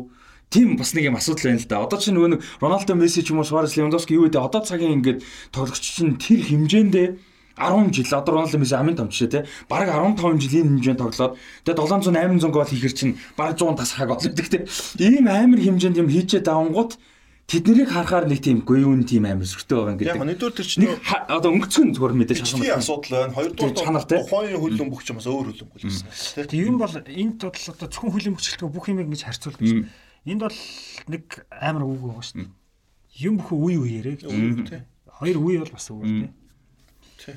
Одоо шийдэл би шийдэл 40 онд очиж төлөмөд бол зүгээр инээдтэй юм болно шүү дээ. Тэ? Тэгмээ магадгүй тэр хүмүүс ч бас амар байгаа шүү. Нөгөө арьсан хүнд бөмбөгөөр нь тоглож чадахгүй байлаа тэгээ. За уушлаа. 2040 он ч. 2040 онд бол одоо би бол тэнд бол зүгээр стандараар наслуулна шүү дээ. Тэгвэл 1940 онд очих юм бол тэн чинь зүгээр өстой. Бараг тактик мактик мэдлэг нүртэл илүү те. Тэгээ 40 оны хөлөө мөгч бол тактик багтай өссөн ч гэдэг. Тэгээ хоёр хаан хамгаалж байгаа юм болж. Тэгэхээр амар олон тийм юу гарч ирэх л баг та ойлгомжтой тэр бол тэ. Нөө YouTube-ийн цаг үе дээр харьцуулахад бас нэг тийм ялгаа гараад байна. Яг гоо гэхдээ одоо юу гэдэг нь хуучны бичлэг бүслэгээд тэр Батстутагийн цохилт тэ одоо Бразил Роналдог нөө Барсад ах үе Одоо үтсэн чинь амар амар тийм. Роналдогийн бичлэгүүд бол амар шүү. Рональдо одоо үтсэн чинь. Тийм Роналдо яг ямар хэмжээний тоглож байсан бэ гэдэг нэг одоо энэ тэргээр бодгоо. Роналдо бол амар шүү. Эсвэл зүгээр Бекхэм кроссуудын бичлэг. Яг одоо бас яг нэг үл Роберто Карлс шиг тэг цогтөг, Бекхэм шиг тэгж өгдөг хүн бас яг Жунинио шиг тэг цогтөг хүн гэхээр одоо оор бас хэцүү. Бас л те. Тэдэрч бас амар шүү бас те. Бекхэмийн дамжуултыг зүгээр ингээд цогтолцсон бичлэг үү. Юу вэ те. Тэр Роналдо өгдөг нэг ассист гэдэг шүү дээ. Яалт яа. Бекхэм ч угаасаа тэгдэг үст. Хүний толгой онж оруулдаг гэх те. Тэр чи Бекхэмээс гарсан үг шүү дээ. За дараагийн тоглогч. Өөр. За би дараагийн тоглогч би хэлээгүй шүү. За хэлээгүй л. За би одоо супер жишээ хэлчихсэн. Ерөөсө потенциал. Рокоба хэлээд яваад байгаа хөө лөө. Рокоба ч миний ихнийх хөстэй. Рикоба тэгээд өмнө нь за за за чи за чи за хамаагүй хамаагүй хамаагүй минийх юу Фредди Аду за Фредди Аду яагаас болсон бэ гэхээр энэ 14 настай дэлхийн супер болсон яваг нь бол том би хаатай тий 14 настай байхдаа томчуудаа тоглоно тэгээд яг намхан гэдэг бак тий а нэг бас намхан биш ээ. 14 дэх хүүхдтэй тэр чинь томчуудад тоглох хэмжээний гаралтай шүү дээ тий Америкт тоглож тий. метр 73 яг 13-та 14-т өгт 73 чинь боломжийн бохгүй. Тэгээд дурд жүгүүрийг олгоч те. Тухайн хөлөмгийн бас юугаар те. Тэгээд амар биттэй, амар хурдтай 14-т ихэд. Тэгээд яг хөө тийм хөлөмшөр зөндөө байдаг л та тэгээд гарч ирээд дод болоод ингээ болоод одоо Одиг гардан тий одоо Арсеналыг авахлаж байгаа. Одигаас карьераа сэргээчлээ ш нэрээ тий. Одигаар Европ сэргээ сэрдэг байхгүй. Европ шал өөр. Одигаар унтсан байс тий. Гур унах цааш болсон ш тий. Европ тань шал өөр үдээ. А тэр багын нөө тэмцэх чадвар дисциплин ах шиг юм тий. Тэнгүүд Фрести адуу яг дутаа байна л тий. Нөгөө нэг гайденс зөв зааварчилгаа өгөх зөв чиглэлийн гаргаж өгөх орчин дутагдж байгааг нь л байна. Тэрс Европ болохоор илүү бус нь болохоор биш гэж жоохон тэрний нэмэлт жоохон тайлбар. Тий, тайлбарлсан яг Европ яг ингэ зүгээр Европ гэхэр илүү юм шиг байна. Яг би нөө ингэж л байгаа. Европ хүүхдүүд нь өсөж байгаа орчин эцэг эхийн хүмүүжил сургуул гэдэг тэр чинь нөлөө гэдэг чинь гайданс бол айгүй мундаг болсон шүү дээ. Тэрийг хичнээн гой зөвлөгөөгөд явдггүй нөхдөд байна шүү дээ. Тэ? Тэгэхээр тэр бас би нөлөөг бас давхар яг нэмэлт тайлбарлах тэ. Тэгээ Фредди Адугод бол ингэж гарч ирчээд за бүр топ биш юм байгаа дундаж төвшөнд ч олигтой бас тоглоогод Америкийн шиг шидэж олигтой тоглоо. За би ингэж бодоод амар гоё жишээ зэ. Гэтэ би раст ингэж бодоод байгаа байхгүй. Бид нар бол одоо ингээд потенциалтай хүрээгүй тоглогч гэж яриад байгаа тийм. Үнэхээр тэр үед потенциал байна уу? Байна. Тэрийг ашиглаж чадсан уу гэвэл одоо ямар нэг шалтгааны улмаас үгүй. А би бол одоо хадуу амар зөвүүн жишээ байна л да. Гэтэ тэнд магадгүй зөв потенциал байсан уу? Гэж бас тэр чинь яг тэр шиг асуусан байхгүй 14 настай. Одоо яг тэр потенциал тэр байсан уу гэдгийг харуулсан уу гэвэл зүгээр сайхан entertainment байсан биш үү баг багт нь плей дагуулж ирээд энэ бол дараагийн плейгээ хэлцээ. Тэгэхээр би мань хүн зүгээр потенциал одоо Рекобод байсан үгүүд байсан. Решмод байсан үг байсан. Бид нар сая Тэмээ тийм. А яг Америкт байсан үгүүд Гэхдээ адуугийн тэр та нар би тухайн үед бичлэг бичлэг юу нөсөн дөө нэг ойлголттой байхгүй. Байхгүй юу? Байхгүй байхгүй заяа. Баах нөгөө нэг амар PR явт. PR зөндөө байсан. PR зөндөө байсан. Яг гоё жишээ. Үнэхээр гоё жишээ. Яг гоё. За за. Тэгээд хүмүүс сонирхолтой Фреди адуу одоо энэ жилд өнгөж 33 настай. Харин тий. Сэрэг сэрэг цаг байна. За бас яг тэр өнцгөөс харж болоо. Юу нүүн тий. Ер нь адуу нөө нэг хайпдсан бас хитрхи хайпдсан үед яг яг Америк байв. Америк тэгдэг угаасаа. Америк тэгдэг. Америкс ихтер реклам те. Зөрүүд нэг тийм гараад ирсэн юм шүү. Сокро жоох ингээд хүн амтанд юу ах гэ Гэхдээ плей цаас сайнны үед бол сайн байсан шүү. Бас тийм удаан зам суг нөхрийг нөгөө чигсэн алга ташаад бас тийхгүй шүү. Бас гайгүй байсан шүү хоёр бас. Бас хоосон ч бас байгаагүй гэж. Тий. Одоо одоогаарыг харалтаа. Унсан шүү дээ. Тэгээ одиар энэ төр бол бас арай Одоогоос хитрхи ингэ шидсэн те. Тэгээ тэр яг Баг шидэн угаацсан юм шүү тэр үнийг. тэр бол тийм тэр нь нөлөөлөхөр байхгүй 15 6 та хүүхдэд тэр амар том хариуцлага анхаарал бүх юм ингэж яхад бол Нөө Солонгосын бацсан биш Барсад алдаг гэсэн. И хэм бэлээ. икагийн Биш биш. Барсагийн нөгөө нэг актентууд нөгөө куб Кубоос нөгөө төнөө бас нь Солонгос алдаг гэсэн шүү дээ. Сая Солонгосын шууд 10 дугаартай адилхан явар маар орж ирсэн. чинь биш үлээ те И кан чинь Валенсигийн. Валенс яах те И Икангийн бишээ нөө. Италийн Торино Моринод гоор нэг хэсэг явуулсан. лээ Барсаг бүр өдөр болгон баг 40 50 голж оруулдаг дараагийн мессигээд Кубо ч бас их тийм байхгүй. Тэгэхээр яг хав тийм хүмүүсүүд л нэг байхгүй адууч. Тэгэхээр тэр чинь потенциал байгаа байхгүй. Тоороос Одоо ч зөвхөн байсан. Бас оргоо ирэх бол бас тийм байна. Гэхдээ хүүхд байхдаа тодорхой нэгөр том төвшин тоглоно гэж бас нэг. Тий юм а тийм нь бол тий. Тийм тийм тийм. Тэгээ гарч ирсэн орчин бас хамаарах хаалгалт те. Одоо тиймэрхүү талс нөгөө нэг Арсенал нэг хэсэг агуу залуу гарч ирсэн Пакчуян байна те бас алга болцсон. Тиймэрхүү юмнаас бас жишээнүүд мэдээж байгаа. За өөр За би бол нэг амар жишээ хэлье юм. Одоо Стон бүр англичуудын ерөөс аалан талан амар ихтгэл хүлээж ичсэн бол Пол Каско байна. Ерөөсөө хэмжээндээ хүрээгүй. Нэг гялалцаал өнгөрсөн. Мань хүний хамгийн гол шалтгаан бол мэдээ сахилгаат. Тэгээд тэр дундаа нэг алдартай юм байна шүү дээ. 50 татнаа тий. Айрх уун. Тэгээд татна. Бэлтгэл хийдэггүй. Түн авьяас байна. Тултлаа. Зодоо хийн. Тий. За хэний гал гий та? Болгасгэн Газа гэдэг. Газагийн хамгийн эд сайн тоглосон одоо 96 оны Европын аварга тий. 96 оны Европын аваргаар амар тий. 98 оны дэлхийн аваргаар Орс юм уу ер нь? Ороогүй. Ороогүй тий. Ороо одоо Газа дэлхийн аврал шалралт тэмцээнд ороогүй гэдэг чинь. А 90 онд орсон. 90 онд 90 онд л орсон юм байна. 94 онд Англи орох юм чи тий. Тэгээд 96 онд еврогоор нэг гэлцэж аваад. Өө ер нь мэдэх хүмүүс нь баг тэр Тотнам тоглож исэн. Тэгээд 96 онд евро орсон. Шотланд дээр ингэж цогт давуулж муур цогч За хийдэг. үнэхээр бол амар хөдөл амар өсөн бол Каскан бол үнэхээр амар өсөн. За өөр жишээ байна. Өөр чинүүд байна. Жоко Оли дурч тийм үү? За. За Жоко Оли яг хаа Челсид бол мундаг байсан тий. Тэгвэл тэрнээс илүү явах байсан гэж бол би хардаг. Тэгээ Жоко Оли яг Английн хөлбөмбөгийн стилээс хамаагүй өөр хөлбөмбөгийн стилийн хөлбөмбөг байсан. Ер нь бол аа тухайн үед бүр. Английн жигүүрдэг бодолтой Стив Макманаман, Даррен Андертон, Дэвид Бекхэм Кирен Дайер нэг хэсэг тоглож Тийм, байсан. Ник Барнби. тийм нэг баар яг үнтэй. Тэгээд дандаа нэг тийм жигүүр гэж хэлээд хэцүү хүмүүс ихгүй энэ бол. Яг го Бекхэм бол Тухайн үеийн жигүүр юм тий. Тий, Тэгтээ тэр үед ч гэсэн бус усуудын жигүүрд бол арай өөр байсан шүү Тий, дээ. тий, тий өөрөөс. Тэгэхэд Жоко бол Английн хөлбөмбөгөөс хамаагүй өөр жигүүрийн тоглолттой. Тэгээ зүүн жигүүрэн дээр оршуулгын байрлал гэдэг газар жиго оршуулгын биш болгож исэн. Тоглолч нь Жоко бол байсан гэж хард. Яг хоо Скоз 2 4 онд бол зүүн жигүүр тоглоо сайн тоглосон те. Лампарт урдсан шатнууд дээр сайн тоглож байсан. Тэгээ үндсэн байрлал нь бол Жоко бол баруун жигүүр зүүн жигүүр хоёр тоглолт. Тэгээд Челси тоглож байгаа Ливерпул эдэр төцсөн шүү дээ. Вест Лөө явсан. Тэгээд юу нь бол би энэ тоглож байгаа өшөө бас нэг ахаа 4 5 жил ахаа өндөр төвшин топ төвшин тоглож болов гэж харж ирсэн. Нилээ өргөл төрхөөсөн байна. Илүү сайн явах байсан. Тэгээд энэ тоглож бол тэгэл 6 оны дэлхийн аваргаас хойш нөлөөлөлтөд тоглосон юм уу? 8 оны Еврод Англи ороогүй. А клубын төвшин ч гэсэндээ Челси тоглож байгаа бол тэгэл Челси ч угаасаа амар олон сайн жигүүрүүд аваад ирсэн шүү дээ, тэ. Тэгээд ерөөхдөө бас уг нь бол Робин Мобныг ингэж гарч ирж байгаа шүү дээ. Челсигийн яг тэр одоо бидний ярьсан тэр 5 он 6 он тэ. Амар амар жигүүрүүд ямаа даф маф эйгүү эйгүү гаруудаа ингэж зодтол зодтолж жоод гарч ирсэн. Уг нь жигүүрдээ цаашаа ойлгохтой явж чадаагүй. Би тэрэн дээр бас Жоко Олиг бас жоо харамстай. Кол яг англи дээр яг хувийн нөгөө нэг клубын карьерийн яг яагаад бүр тий илүү хэмжээнд яваагүй мэдхгүй ч гэсэн зүгээр яг англид стил нь хитрхи цаг хугацаанд яриад жоохон төрөгдсөн байсан болоо гэж би бодоод байгаа. Одоо жишээ нь тэр цаг үед яг нөгөө би сая нөгөө нэг тэр нөгөө төрний жигүүрийн тоглож шүү дээ. Яг тухайн цаг үеийнх гэж хэлж байгаа нь болохоор англи яг тэгж тоглодог байсан шиг тийм жигүүр. Яг одоо Франц ман уушаал өөр төрлийн жигүүртэй байсан ч гэсэн англи яг тийм байсан тийм. Жок бол гараад ирэнгүүт английн шгшөөгийн үндсэн одоо формат нь тийм тоглолтын юм маяг нь Жок Колын одоо тоглолтын хэм маяг тийм тэрэнд тасах нэр тэрэнд нь одоо юу гэдэг тэрийг нь илүү өлгөж өгөх өргөж өгөх хэмжээнд бол байгаагүй юм шиг надад санагддаг. Тухайд үздэг байх ч гэсэн санаанд болж байна. Расти тэр нэмчихт Жоко бол шгшөөхтэй үнэлэгдэг байхгүй. Ер нь ер нь хүлэмбөгч тэр сагсч тэр хүн хамгийн нөлөөтэй хүнд л яадаг. Илүү их бөмбөг очдөг байхгүй. Тэгээд маань бөмбөг очихгүй шүү дээ. Тэр төвд нь аваргууд байна. Баруун жигүүр тийм байгаа юм. Тэгэл маань чинь тэгэл тэгэл тэгэл. Ер нь бол тэр 6 оны Тэгээ оршуулах нь Тий, оршуулгын газар авахгүй тэр. Оршуулгын газар тэгтээ манаа айгүй зогцоод ард нь Эшли Кол уг нь амар гоо зогцлоо. Дасгалжуулагч хэрэг үнээр сэрэг өждөх юм бол тэр бол хамгийн гоё жигүүр нөхгүй. Эшли Кол ямар гоо довтлоо тэмцээд олж илээ. Ямар супер олж илээ. Жоко баруултад төрөө орлоо. Лампар Жерартай хосоллоо. Рүүний оон байна. Тийм үстэй.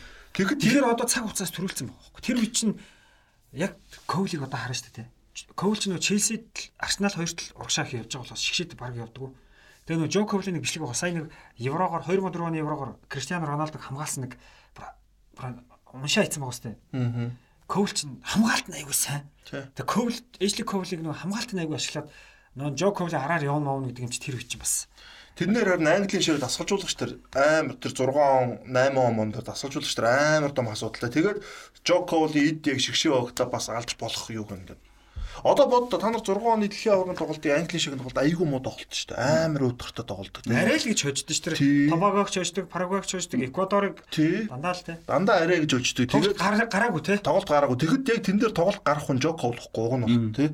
Тэгэхдээ тэрийг ерөөсөө ашиглаж дасгалжуулагч бол тэр бол тэгэхээр дасгалжуулагч бол тухайн тоглолтыг үнэхээр мэдэрч чадаагүй л гэсэн үг л те. Шгшээ багаж өдөртөө мэдрэг үгүйсэн табаага өдөр төр бол усуулан гаалцсан шүү дээ. Тэрий орж байгаа бөмбөг гаргадаг тий. Тэр Эквадор тэр Беккемний чөлөө цогцолтоос тэгж л очиж. Тэрийг бол дуусаа штэ. Харин тэр Бразил тожигддаг тэр юу юу лээ? Португал. Португал тожигддаг тэр чинь харин сайн тоглосон. Хүн дотоо сайн тоглосон. А Швед дээр бас гоё тоглосон. За дараагийн тоглогч юм бол хинтээ одоо Месситэй нэг үед гарч ирсэн. Хатан Бенарфа байна. Аа Бенарфагийн үед ингээд яг Актемис гарч ирж байхдаа юу яжсэн бүр ингээд бүгд одоо тэр чинь ингээд 2000 3 за 4 5 оны үед шүү дээ. Ер нь бол яг мессежтэй зэрэг. Тэ тэр үед ингэж нөгөө нэг интернет ийм одоогийнх шиг байгаагүй тинейжер өсвөр насны ингээд академи тоглогч тэгж амар их яригдаж одоо адуу гэдэг жишээ л байсан баг. Яг үнэндээ тэрнээс өөр ингэж яригдах маш бага байдаг байсан тий. Бай яригдаг цөөхөн жишээдэг. Тэгэхэд Атен Бенарфаг ингээд мэддэг болоод ихэлсэн байсан хүмүүс тий. Тэгээд Клэр Фонтены нөгөө нэг академи гэж байдаг шүү дээ Францын алдартай. Клэр Фонтенд ирээд Клэр Фонтенд ирнэ гэдэг нь өөрөө Францда топод орж байгаа хүүхдүүд байдаг те тоглогчид байдаг. Францын өсвөрийн шиг шогт. Тийм бүр бас тэн дундаа те Франц яг өсвөрийн одоо академид ч ямар мундаг үлээ те. Тэгээ тэр дундаа тасарч байсан гэж байна. Тийм би нарах те тэр үеийнхэн дундаа. Тэгээ дээрэс нь Мань ч 87 оных 86 оныхонтой нэг юунд ирээд тэднээс тасарч исэн. Тэгээд ер нь яг жижигхэн а гэхдээ ер нь бол одоо Месси Яда Мессид ямар давуу тал байдаг вэ бүгд л Бернарфд байсан. Тэгээ техник, мэдрэмж, хурд юу байдیں۔ Мессигээс арай жоохон өндөр биетэй. Тэгээ арай л жоохон өндөр. Гэтэ нэг өндөрлөө болол шалахгүй. Тэгээд ийм гой тоглогч байсан. Тэгэд ер нь гард Леонд анх карьераа эхлүүлсэн. Тэгээ тэр үед бас Нилээн дарагдсан үед бол дарагдсан юм шиг байгаа. Тэгээ дээрэс нь шигшээдээ нилээн дарагдаад клубдээч дарагдаад тэгээд яг нэг түрүүний Рикоба шиг юм дутсан юм шиг байна. Бас нэг юм нэг дундуур нь ингээд нэг ингээд ороод ирэх сэтгэл зүрх бас дутсан юм шиг байна. Авиас чадвар байгаа ч гэсэн. А тэгээд Сүүлдээ тэгээд Ньюкасл мас гэдэг сүүлдээ ерөнхийдөө карьер нь нэг тийм. Бинарфагийн авиас бас нэг амар хүнд гимцэн. Гэтэ тэр бол карьер нь оргилдоо одоо хүмүүсийн хүлээж яшин шиг оргилдоо хүрхгүй юм байна гэдэг нь тодорхой болцсон байна нэг амар хүнд гэмсэн. Дионг Дионг яг тэр тоглолтыг би тайлбарлажсэн юм. Тэр амар амархан угарсан юм аа. Сититэй тогсон юм уу? Сититэй тоглож байгаа. Санамсаргуу яг өвдгөрөө яцсан. Тэгээд Бинарфагийн хувьд бол авиасод ерөөдөө Рикопос хашаач яг. Тийм тийм Рикопо байдаг байдаг. Би зөвхөн форматыг л тийм тийм амар шүү дээ. Амар хурдан, амар мэдрэмжтэй. Тэр сүүлд нэг юу тоглосон шүү дээ. Франц таан тоглолоо бас нэг. Оо Лион биш ээ. Парис уу? Парис руу яваагүй. Парис Бэси. Харин алаад Парис төцсөн бохгүй ахиж алаад карьер нь сэргэнгээ алдаад. Оо Парисын Марсель юу лээ? Бүр алсан бохгүй надад чи тэр жил. Бүр сүлд штэ. Тий. Тэгээ Paris Saint-Germain авдаг. Тэгээ ахаа байхгүй. Нист 15-6 онд Ницца наач зүгээр хаасан. Наач зүгээр өстө хит хитээр нь хуурж голд. Наад Ницца гэж зүгээр өстө авч авсан байхгүй. Бүр тэгээд Paris Saint-Germain чи бүр авсан шүү дээ наадах чинь. Үеийн өстө бүр алхах нь ахаад алхах нь гэдэг. Тэгсэн чи байхгүй. Тэгээ наад болж яг Рикоботой адилхан сэтгэл зүйн асуудал сахилга бод муу наач. Одоо тэр Франц шиг нэг сахилгаатай асуудал хэрэггүй ш наад мад дунд нэмж идэг. Тэр одоо тэгэл Африк гаралтай байж тээ. Тий араб хэм бол араб бол. Ер нь бербер дүү араб бербер нөө нүүдэлж. Хойд Африк уу? Тий хойд Африкийн нөхдөд сахилгаатай асуудалтай наа би нарфаач. Авиас бол үнэхээр амар наачсан зүгээр шүү дээ. Тэг ямар ч үсэн карьер нь тэгээд эргээд харахад бол гоё YouTube видеонууд бол болсон да ямар ч. Дасгай голод бол оруулсан. Ньюкасл эдэд амар голтой. Тэгээд тэр Тэр одоо нийтдээ нийцаагээ тэнд бол бас нэг үйлээс бодоо болгосон шүү дээ. Тэр өстө амар байсан шүү. Амар байсан. А лигтээ Францын лигонд 34 тоглолтод оролцоод одоо баг бүтэн үйлрэлт авсан гэсэн үг шүү дээ. А тэгээд 17 гол оруулсан. Тэр жилээ. Өө тэр жилээ бас зогсоогоор байсан. Би нафрагч. За өөр. За тэгэл одоо хамгийн том жишээ бол яа харахгүй тэгэл Майкл Оуэн байна да. Майкл Оуэн бол өөрөө ямар супер ямар потенциалтай. Яг одоо эргээд бүр алтан мөв авчихсан дээ бүр. Эргээд эргээд харахад бол мэдээж хүн Оуэн хүн бүхэн Оуэныг мэднэ. Одоо ингээд алтан мөмбөг авцсан, Англи шиг шавгийн гол давтагч байсан, Реал тоглолцсон. Гэхдээ л яг үнэ. Яг үнэ. Гэхдээ л энэ бол ерөөсөө Оуэнаас гарах гарч болох хэмжээний зөв талаас баг юм байна. Яг үнэ, яг үнэ. Тэгэл ерөөсөө хамгийн гол дайсан гинтл бэртэл энэ хүнийг бол тойроогүй дайрцсан. Тэгээ дайрахтаа хэд хэд дайрцсан. Тэгэл энэ хүн туссан. 2001 оны дэлхийн шилдэг одоо алтан бөмбөг авсан тий. Европын оны шилдэг үлэмбэг алтан бөмбөг. Алтан бөмбөг шагнал авсан. Тэгээ миний бол яг үлэмбэгт анхны шүтэн л дээ одоо ч гэсэн тий. Тэгээд аа Английн шигшэд болон Ливерпул бол Майкл Оуны зогсоход хэцүү. Бодолд 18 настай хата Премьер лигийн мэрэгэн мууч болно шүү. Юу гэсэн үг юм бэ? Ийм тохиолдолд юу нацааш тааж гарахгүй шүү. Тий. Ер нь Премьер лиг гэлтгүй энэ том лигүүд том лигд бол 18 настай мэрэгэн бууч болно гэдэг ойлголт юм байхгүй. 19 дэх дахиад болцсон шүү дээ. Роналдо л тэр үед одоо 19-тэй дэлхийн шилдэг мэлдэг болж явсан болохоос ер нь хоор шүү дээ. Энэ хоёр ч яста туцаа байсан. Туцаа байсахгүй. Тэгээд Майкл Оун ч 18-нд 79 оных шүү дээ. 98 оны дэлхийн орлого 79 оны 12 сар. Тий 12 сарх бүр хойш байхгүй. Бараг 80 онд орчиж байгаа. Тийм. Тэгээд 98 оны дэлхийн ороод Майкл Оун ч орж ирээд ийм томдцсон юуд орж ирдэ. Жохон жохон дуртай. Тижэрстэй мангар удаа 28 та. Тэгээд орж ирээд гол доо. Тэгээ би тухайд хараад үз. Тэгсэн чинь тэрний өмнөх жил байгаа шүү. Одоо яг тэр жил 97-оос 98 оны 98 оны үлрэлт 17 настай байхдаа Ливерпулийн гараанд гар тоглоод тэгээ тэр жилээ 17-оос 18 нас хүртэл Англи Премьер лигийн мэрэгэн бууч болцсон. Цуг авдаг тий. Цуг авдаг 4 5 долоо цуг цуг авдаг. Сатн даблны дөрөөр цуг авдаг. Тэгэд цуг авдаг. Тэгээ цуг авч байгаа ч тэр амар угаастай тий. Тэгээд авцсан. Тэнгүүтээ дэлхийн ороод алж байгаа. Дэлхийн ороор Англиг бол зүгээр авч аваад алд. Жохон бацааш тэр чи стил тий. Тэд шэрингийн мисэлийн судалж байгаа. Майкл ширэгтэй цуг Адан ширэгтэй гараанд гарч байгаа тийм. Тэнгүүтээ дараа жил нь 98-аас 99 оны өдөр дахиад Премьер лигийн мөрөмж дахиад баахан нөхдөөд цуг авчиж байгаа. Тэгэхээр энэ бол гэдэг чиндээ үнэхээр одоо одоо үнэхээр амар амаас ихгүй тийм. Оонтой юу ярих тийм. Тэгээд Жерард Мирард угаасаа юу нэ өөртөө ном дэр байдیں۔ Оовны нүдэн гэлцэж хараа баста амар байдаг. Тэр Германы дам нэгдэд тоглолт тэр яг мэдсэн ч нүдэн гэлцдэг. Тэгээд Майкл Оовны хамгийн том давуу тал нь тэр нэг Бенарфа тэр шиг тэр хүүхдийн тэр баг мах одоо англиахч юу гэдэг вэ нэрийг мартчихэ. Тэр хүүхдийн баг хаач ч ерөөсөө оовны шүтдэг. Жерартай уулзж байгаа хүүхд Майкл Ооныг асуудаг гэсэн. Гэхдээ Жерард бичсэн шүү дээ. Жерард Оон хоёр ч нөгөө нэг Ливерпулийн хүүхд шүү дээ. Тэг яг нэр нь хүүхдийн багт Оон бол ерөөсөө багасаа насандаа тоглохоо бэлцэн гэж. Жерард насандаа тоглоо. Оон ерөөсөө алсаа алсаа. Ерөөсөө ингээл дээд насанд дандаа 2 юм уу 3 дээд дэшээ л ингээл тоглолт. Оов нь бол ерөөсөө ингэ тодорхой тэгсүрдээ жижигхэн мөртлөө тий. Тэгэл тэдэртэй алдаг тий тэр дундаа. Ийм л амар ус. Тэгээ тэр баруун солгоогүй тэр голын мэдрэмж тэр нэг үнэг шиг тий тэр 16 мурга тэр тоглож чадвар амар. Тэгээ дээрээс нь мангар урдаа маяг. Амар урд. Тэгээ англи хурдан тол зөндөөч Леном тэд чинь бол жоохон нэг модон шүү дээ. Чигээр хурдан шүү дээ. Майкл чинь чигээр хурдан шүү дээ. Аргентин хийж байгаа гол бол амар шүү дээ. Тэр Роберт Аял амар амар хамгаалж шаргад хурдтай хурдтай Аргентины дундуур шүлжиж гарч ирээ голд. Тэгээд нэг оны дэлхийн шилдэг авсан тэр жилээ Ливерпул 3 цом авчирсан. Тэгээд Реал руу яваад юу нь бол тэр бол айгу буруу юм болцсон. Өөрөө ч гэсэн явна гэж жагаад яваад. За ер нь зөв гимттгэл буруу юм. Гимтээ гимтсэн тэгээд Реалд очоод тэгээд баахан одууд дунд. Реалд гэхдээ сайн тоглосон шүү дээ. Бага минутанд айгу сайн тоглосон. Бага минутанд тэр чин оруулсан голоор бараг 60 минутанд нэг гол оруулчихсан баг шүү. Амар гол. Реал ч үндсэн тоглогч нар Роналдо байгаад идэг, Раул байгаад идэг. Харин тий. Би энэ тэрийг буруу ч юу? Заавал тэр Роналдо Раул хоёр дээр очих ямар шаардлага. Ахад Ливерпултэй нэг хэдэн жил Яг яг тэр үед чинь Ливерпулийн нөхцөл өөр айгүй хэцүү. Хүнд байсан тийм ээ тэнд. Явцгүй болсон байсан. Явцгүй байсан те. Тэр бол бас буруутахад хэцүү зүйл байсан те.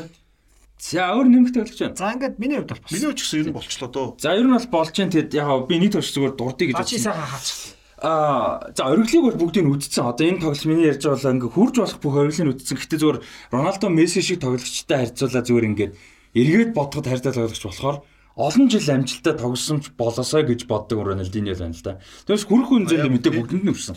Тэрэнд бол хинч маа. Тэгэл бас гэхдээ маш залуудаа ер нь бол карьер нь яатсан шүү дээ. 26 27 таад л ер нь бол Тэгж 26 6-аас доош. 2006 оны дэлхийн аваргаар ер нь унаад тэгээд тэрнээс хойш ер нь бол тийм хэмжээнд одоо дэлхийн аргуу дэлхийн финал хүртэл яваад тэгээ бараг дууссан гэх юм уу да тийм финалийн дараа л унтсан шүү дээ. Парисын финалын тэгээд ер нь бол дахиж карьер нь тийм хэмжээнд бол очив. Яг Милан нэг тоглосон за тэгээд карьер дэш яваагүй. Тий яваагүй. Тэгээд сүултээ Бразил руу яваад одоо бодлоо тэр тоглож нэг за өсрөөл нэг 4-5 жил тоглоход дэлхийн ингээд одоо үүд чи бүх хүний мэддэг бүр суперстар болсон байлаа. Тэр үний авяас ямар амир боддоо 4 5 хон жил шүү дээ. 4 5 жил баг хүрсэн үгүй юу? Бүр яг сэ яриад тий. Яг үн. Тий.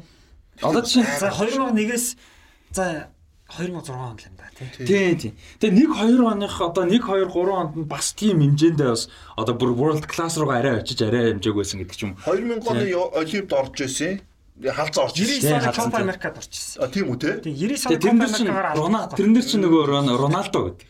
Тэ? Роналдо дээр Олимпик санаж байгаа юм би. Тэгээд 2001 он тоглож 2 2 оны дэлхийн авар дээр байгаа зүгээр идэж удаа шүү дээ. Тэгээд одоо тэр хэмжээнд төрөг харамсалтай байдаг. 2006 оны амар тий. 2006 оны дэлхийн аварганд бүрэлдэхүүн хүлээлт ямар амар байлаа тий. Тэгэхээр одоо бидний өнөөдрийн ярианаас бас нэг юм өнцөг гарч ирж байна л да. Манай үзэгчд маань анзаарж байгаа ер нь хүлээлт гэдэг юм бол айгүй дэмий болчиход байгаа тий. Хүлээлт гэдэг юмыг за би зүгээр бас нэг юм нэг нэлээ олон жилийн бас хэлж л байсан да. Заяатайч, раститэй ч ярьж ирсэн. Ер нь бол нэг хүлэмжчэнд ч юм нэг тамирчинд бас нэг тоглох хугацаа байгаа. Энэ хитрхи эрт дод болцсон ч ер нь эрт жоохон байхгүй болчих. Саяны нь. Одоо тэр Патрик Кливерт энэ чинь бас л ер нь жоохон сүүлд гарсан нөхдүүд лампарт байгаа байхгүй. Жоохон дрогба тий. Жоохон сүүлд гарсан нөхдүүд ч ер нь чимээгүй явчаад Ер нь хүлээлт гэдэг юм л юмыг л тэр Английн шиг шог, тэр Бразилийн шог, тэр Аргентин, тэр Франц хүлээлт гэдэг чинь л ерөөсөө алчаад байгаа. Одоо Месси Роналдо хоёр бас алуус гарч чирт ингээд хүлээлтээс гадна тэр хоёр л энийг давч чадах тийм одоо сэтгэл зүй потенциал нь байна. Ийм потенциалтай бүх юм нэгэ бүрдсэн тамирчин байна гэвэл бас хэцүү шүү дээ. Тийм. Тэр хоёроос илүү потенциалтай хүн байгаа боловч тийм. Сахилах байна. За энэ хоёроос оргил аюултай нэг үйлрэлт ч юм уу хоёр үйлрэлт давлаа гэхэд тэрийг хадгална гэж байхгүй болж байгаа. Энэ хоёр тийм болохоор бүр ингээд бүр хитрхээ тусдаа хитрхээ тусдаа тэр бүр тэр бол тэр энэ хоёр тус үнэхээр ярих юм амар амар Шитэл барахааргүй. Бодолд 10 хэдэн үлрэл тамирчин байсан карьерийнхэн турш супер тоглоно гэдэг бол ерөөд хэцүү шүү дээ. Амар тэр бүр оргилтон дандаа оргилтон тий. Энэ хоёроос хөдөлмөрч хүмүүс байгааг зөндөлөд шүү дээ манай Джеймс Миллер бол энэ хоёроос цааш хөдөлмөр шүү дээ. Чадвар дутаад байна. Тий а энэ хоёроос илүү потенциалтай боловч Сахилгат нь тэгэл бас Аз эзэн тий. зөндөө дутчих. Характер тий бүх юм байхгүй хүмүүс байна шүү дээ тий. Мессигийн хамгийн муу үлэр нь сая Өнгөрсөн үлрээс баг 30 голтой гэсэн үг гол. За ассист их байсан. Ассист их байсан. Гол их зөөх хийсэн. Гол гол 30 гоолд оролцсон байлаа. Тийм оролцсон. Тэгэхээр ч юу гэсэн үг хамгийн муу. Маш муу тоглосон шүү дээ. Ер нь л. Юу гэсэн ч үг ч. Тэр Роналдо ч гэсэн дээ ер нь сайн үйлээс одоо муудаа орно шүү дээ. Тэгэхэд чинь Юнайтед чирээд 20 хэдэн гол хийлээ. Аврагуудыг баг мань хүн ганцаараа жирээ хэсгээс гаргалаа шүү дээ. Тэгсэн тэгсэн. Энэ хоёрт бол ярилтгүй.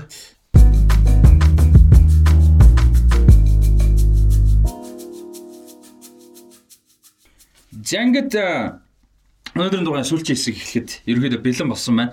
За тэгээ өнөөдрийн дугаарыг болон ер нь өмнөх дугаар өмнөх дугаараас эхлээд Web Sports Lounge-д бол бид нар хийгээд ихсэн байгаа бичлэгийг те аудио болон цаашдаа ч юм. Цаашдаа ч юм тэгээд үс бичлэгийг бол хийгээд ихсэн байгаа. За Web Sports Lounge маань бол Times Square-ийн 506 дугаар байранд бол байдаг. Яг Times Square тэгээд таан хийсээр яг одоо ер нь бол Times Square талтай гэсэн үг те. Яг манайх одоо ингээд 90 Web Sports Lounge руу ирэхээр бол River Garden-ыг аягүй сайн мэдэн шүү дээ те Маршлийн гүрэл яваад River Garden руу эргээд River Garden руу явхлаар River Garden өнгөрөхөөр Times Square хаан хийс гэж байгаа.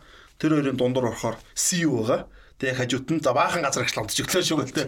Манай одоо яг юу явуулдаг веб спорт лонж байгаа. Манай спорт лонжийн хувьд бол гол ямар давуу талтай вэ гэхээр одоо бид нар шилэн каракуны хүрээнд байна тийм. Энэ спортын тоглолт үзээд Каракодо дуулж болно. Давхрын тал юу хөл бөмбөгийн гой талбай байгаа. Тэн дээр гой хөл нүцгэн гараад хөл өмгийн бильярд тоглож болно. Хөл бильярд тоглож болно тий. PlayStation 5 байгаа. PlayStation ээж болно. За тэгээ гой ширээний хөлн бөхтөө болно. Зөндөө олон юмнууд нэгж байгаа. Та нар тэгээ гой ирж цагийн зугаатай өнгөрүүлээрэ манайхаа. За тэгээд Web Sports Lounge хамт олон бас баярлалаа. Тэгээ удаан бас үргэлжилж хамтарч ажиллана гэдэгт итгэлтэй байна. За 2006-аас 7 оны улирлын талаар одоо зүү яс болсон шүү дээ. Эцэдээс эхлэх үү. За за Европын хөлбөмбөгийн бас нэг гайхалтай улиралтай яхахгүй. Тэгээ би одоо яг юм боломж олцсон дээр бас нэг олон жил нэг бодож явж исэн юм а хэлчихье. За боломж олгоё. За боломж олгоо.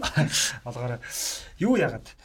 Мэдээч ямар нэгэн альва юм бол үе үеэрээ байдаг. Гэтэ тухайн үе бол солигдох гэж бол бас их аажмаар солигддог штэ. Юу одоо энэ алга уруулахын дата тийм амархан солигддог.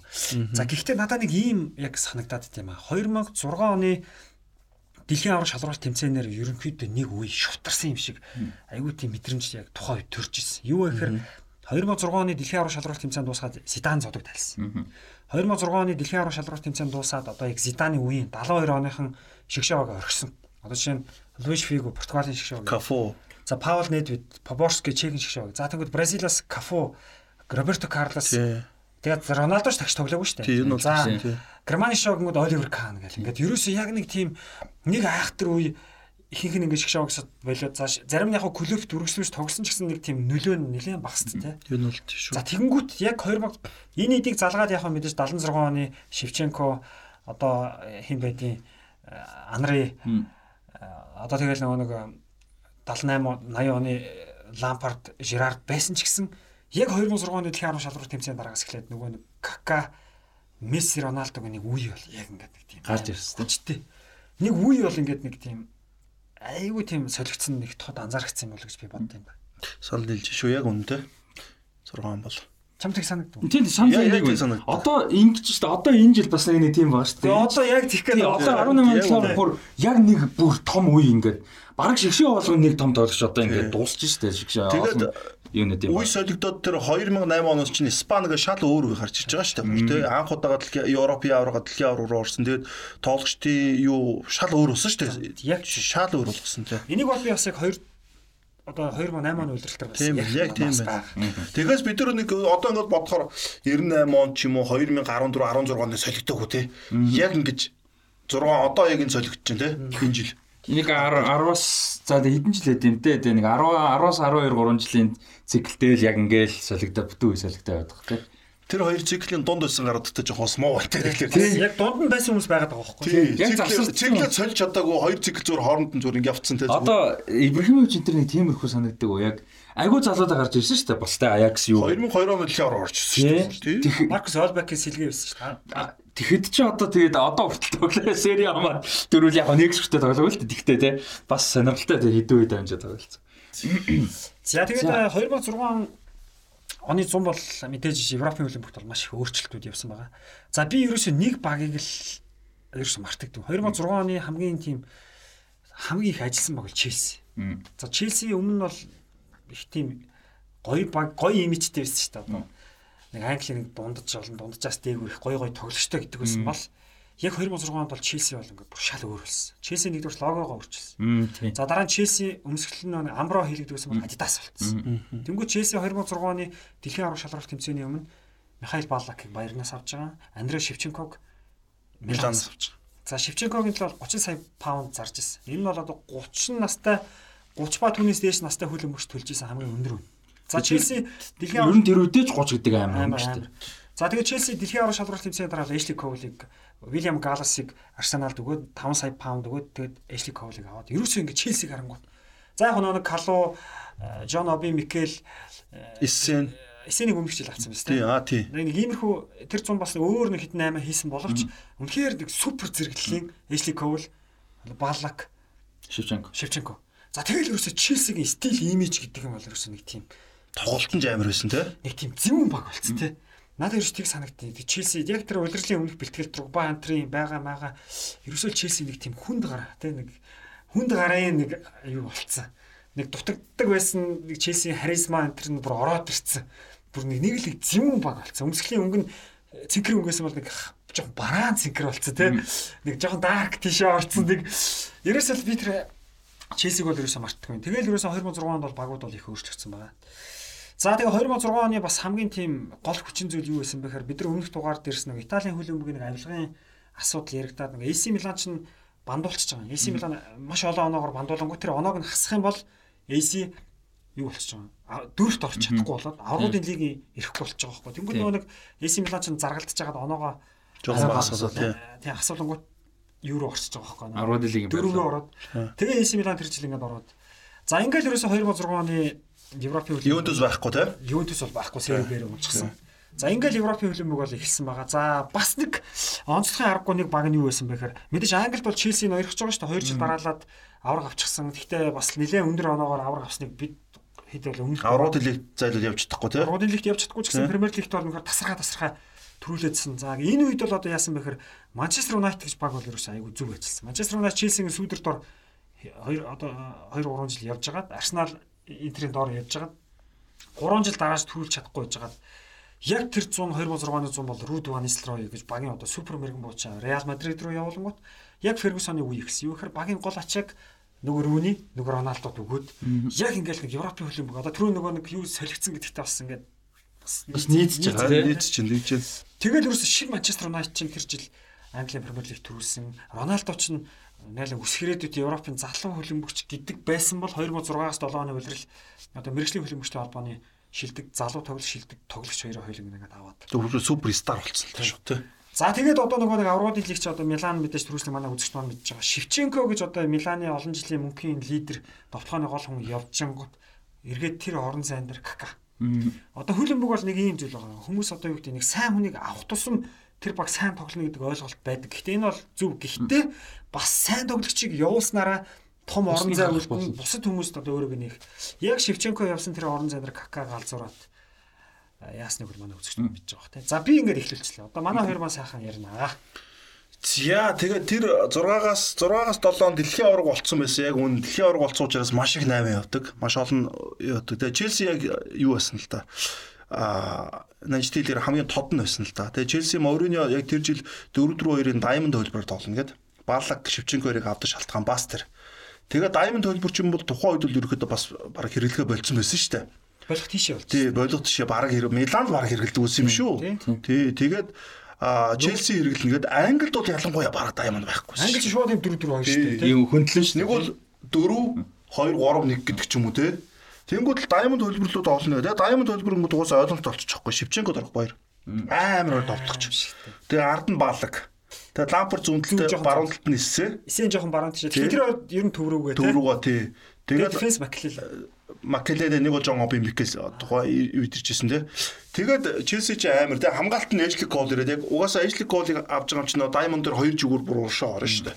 Тэгээд Эжлик гол Жон Терри, Пауло Фрера, Рикардо Карвалио те. Босинго ч жоохон байж байгаа гэдэг. Жосе Босинго тий. Арай болоогүй те. Тэгэж Челси тоглоно гэдэг. Үнэхээр Челсигийн тэр удирдлагын ихний тоглолтууд бол амар. Тэгээ Барсата нэг хэсэгт орж даврууд л хитэр те. Тэгээд тэр чин Дорогба нэг цаг дуусч байгаа хийж мэж байгаа. Барсаг ч бас гусчдаг те. Тэгээд тухайн үеийн Челси бол өдрлийг бол яг түрүүн нянж дэлгэр амар хөвлөсөн. Гэхдээ Шевченко бол ерөөхдөө бас үнэхээр зогцоогүй. Тэлц үнэхээр одоо Шевченко хөвлөс. Тэгээд яг Шеваг авдаг шалтгаан бол Шевада биш бас Абрада байсан тий. Абрамович бас нэг Оросуудаа авч байгаа Жирковыг сүлд авсан, Смертнийг авсан, Шевченког авъя гэдэг нэг одоо Слав гаралтай тэнд амирчтай бас нэг жоохон дэмжиж явуулчих гээд. Тэгээ Шевченког Дорогбата ослоо бар ална гэлж бодсон бах манай хүний төсөөлөөр харамсалтай. Үнэхээр одоо зогсож чадаагүй л дээ. Үнэхээр орон зай байгаагүй те.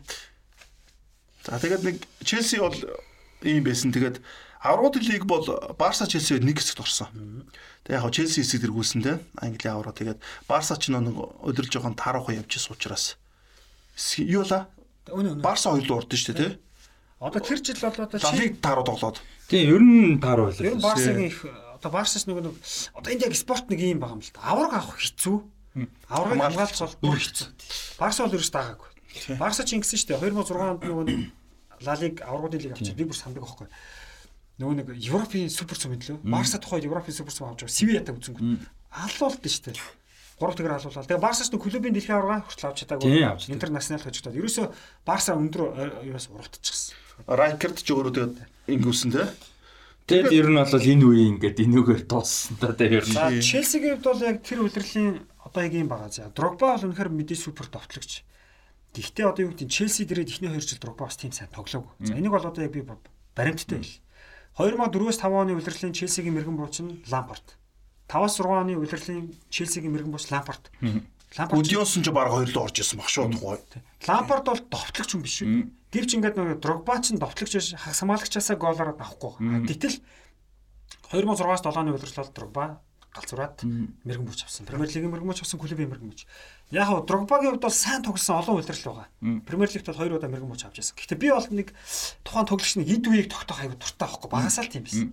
Би ерөөсөө яг бодоод Ламп Дрогбагийн оргил үе бол 6-аас 7 он.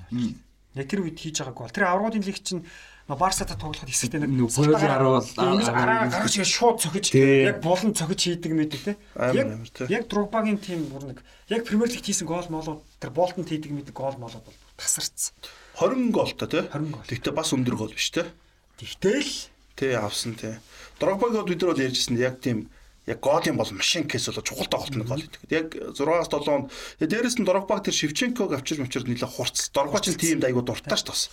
Тийм сэтгэл зүй сайтай юм шүү дээ. Амар сайтай. Тэгээд Шевченко ирж ирээ тэгээд Шевченко тэр дэлхийн супер довтлогч ирж энэ чинь Дрогбагийн хувьд бол би сэлгийн цуч магадгүй гэсэн айц байгаа шүү дээ. Тэгтэл тэрийг давж гарч тэгж мэрэгэн болчулчихсан. Тэгээд Шевченко фэлдэж Дрогба одуулж тэ. Тухайн жилийн аврагуудын лиг бол Челсиг бол харамсалтай зүйл болсон. Яагаад гэх юм бол манай тэрээс өмнө нэг ирч нөгөө хэсгийн нэг ганц юм ирч. Тэнд дээр Челси бол бас хүнд сорилтыг давсан байна. Юу гэхээр Челси чи нөгөө нэг 10 дугаар сарын дундуур Ридингтэй тоглож байхад Челсигийн хоёр халж хоёлыг гинтдэг. Петр Чех Кудичин яг үнэ. Тэгээ Хиларига тоглолоо. Петр Чех бол маш хүнд гинтсэн шүү дээ. Тархины маш хүнд гинтлээ. Үлдүүлчтэй тийм. Бараг л талбай дээр ч бараг хэцүү зүйл болол болохоос. Тэгээд Челси ч хаалгачгүй болов. Тэнгүүд одоо яг Челсигийн одоо ингээд Премьер лигийн тоглолт мөглөл үзэхэд гард нэг Челсигийн хаалгачийн дасгалжуулагч хийж байгаа. Иларио гэж тухайд Португал хаалгач 3 дугаар хаалгач байсан мань хүн тоглолдог. Тэгээ Барсатай нэг 3 4 дугаар төрөхтэй дараалц тоглолдог тийм. А тэн дээр Дрогба ч нөгөө нэг цогж голыг эхлээ хожоо. Дараа нь Барса дээр очиход 2-2-т хийсэн амар тоглолт болсон тийм. Нэг Лампард хийдэг гол мол. Нүүрний шугамаас хийдэг. Тийм. За тэгээд Челси бол хэсгээсээ бүр асуудалгүй бүр Челси ч бүр амар дээр байсан. А Барса ч бүр сүулт Вердертэй бас их хэвгүй хэсэгт ордон шүү. Вердертэй хэсгээс гарах уу гарахгүй юу гэдгийг үзэж нэг Роналдиньо нэг ханны доогор нэг зөвч Яг үнэ Барса хэсгээсээ гардаг. Амар санаж шунаа нанчиж. Яг хэлсэн чи санаж шүү дээ. Года тэр одоо мартагдахгүй шүү дээ. Бүр зөв сэтгэлд нэг хадагдсан байж байгаа. Тий би тэр доолтыг өөрөө тайлбарлаж шин би тайлбарлажсан байхгүй тий. Эрдэж доогороод тий.